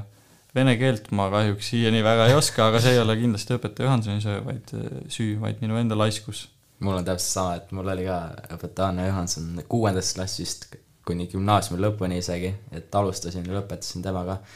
et väga hea õpetaja ja mäletan, et äh, kuuendas klassis temaga olles esimesed tunnid mäletan kõik nagu äh, ütlesid, et ta on hästi range ja eks jaa, ta hoidiski noh, ütleme distsipliini ja klass oli nagu korras, et äh, ei olnud seal mingi sagimist, et kõik ilusti õppisid ja istusime seal nagu nukud noh, ütleme ausalt noh, et et mõni poiss, kes seal äh, teise õpetajaga on selline mafiooso ja siis Anne Johanson klassist oli ikka nagu väike nukk. mulle meeldis Anne Johansoniga see, et äh, kui ta kuuendas klassis mu õpetajaks tuli, siis ta ütles, et alati, kui tund hakkab, siis peab juba koridoris õpetajale ütlema Strasvut ja ja ma ütlesin kuni gümnaasiumi lõpuni seda välja, ma ei pannud tähele, kas teised õpilased ka, aga see oli nagu, see teeb, kuidagi veider on öelda, aga see teeb nagu südame soojaks, et kuni gümna lõpuni ütlesid õpetaja Johansonile Strasvut ja alati ja ta alati vastas. aga äh, olemegi päris pikalt juba rääkinud ja äh, enne, kui äh, soovime teile kõike head, siis tutvustame ka Põltsamaa raadio tänast kava. ehk siis kaheksast siin üheteistkümne olime mina, Mairo Link ja Hart Saksniit eetris saatega Hommikuloomad. kell üksteist võite kuulda Põltsamaa inimese raadiosaadet. seekordne episood on siis Taimi Geratšenko kohta, kes siis äh, räägib enda elust. kell kaksteist null null uudised ja kaksteist viisteist algab, algab saade Vaba Mikker. siia siis võivad kõik raadiokuulajad ise helistada. raadionumber ehk siis telefoninumber, kuhu helistada on viis kolm seitse kuus kaks kolm kuus kuus. kordan, kordan numbri korra üle. viis kolm seitse kuus kaks kolm kuus kuus peale seda kell üks Omakandi jutud kõrgmood kodulinnas, siin siis äh, räägib äh, Eliise Kuus ja Katre Aru-, Arula äh, siis sellest, mis selle nimetus oligi, Katre, mis see koda, koda oli, mis siinsamas Lossjovis on mul väga piinlik, nüüd ei tule meelde. peal vaata mul täpselt sama. ja mul emal veel on see kott ja nüüd mul ei tule meelde, aa, Katre Arula meistrikoda. Jah. jaa, ja siis äh, räägivad tõenäoliselt sellest. kell neliteist null null saade Vaeva pead ja pruugi suud teemal üksikisiku autonoomia ja kollektiivühtsus, kus siis äh, Põltsamaa valla äh, noored poisid ja mehed äh, räägivad tähtsatel maailma teemadel. Kell neli uuesti uudised, kuusteist kolmkümmend loosikas ja siis kella viiest alates hakkavad kordused. viiest uuesti Põltsamaa inimesed, Taimi Geratšenko, kuuest Omakandi jutud, kõrgmood kodulinnas, seitsmest uuesti Vaeva pead ja pruugi suud, üksikisiku autonoomia ja kollektiivühtsus, nüüd kell üheksa Pajatuste pada ja siis üheksa viisteist al- algab öömuusika, mis kestab kuni homse hommikuni. Ja tuletan veel korra meelde, kui tahate Vaba Mikri saates osaleda, helistage numbrile viis kolm seitse kuus kaks kolm kuus kuus. mina omalt poolt eh, soovin tänada kõigepealt Põltsamaa raadio eestvedajad, et nad on mind kutsunud siia saadet tegema, Harti, et ta koos minuga seda saadet tegi ja soovin head kõikidele Põltsamaa raadio kuulajatele.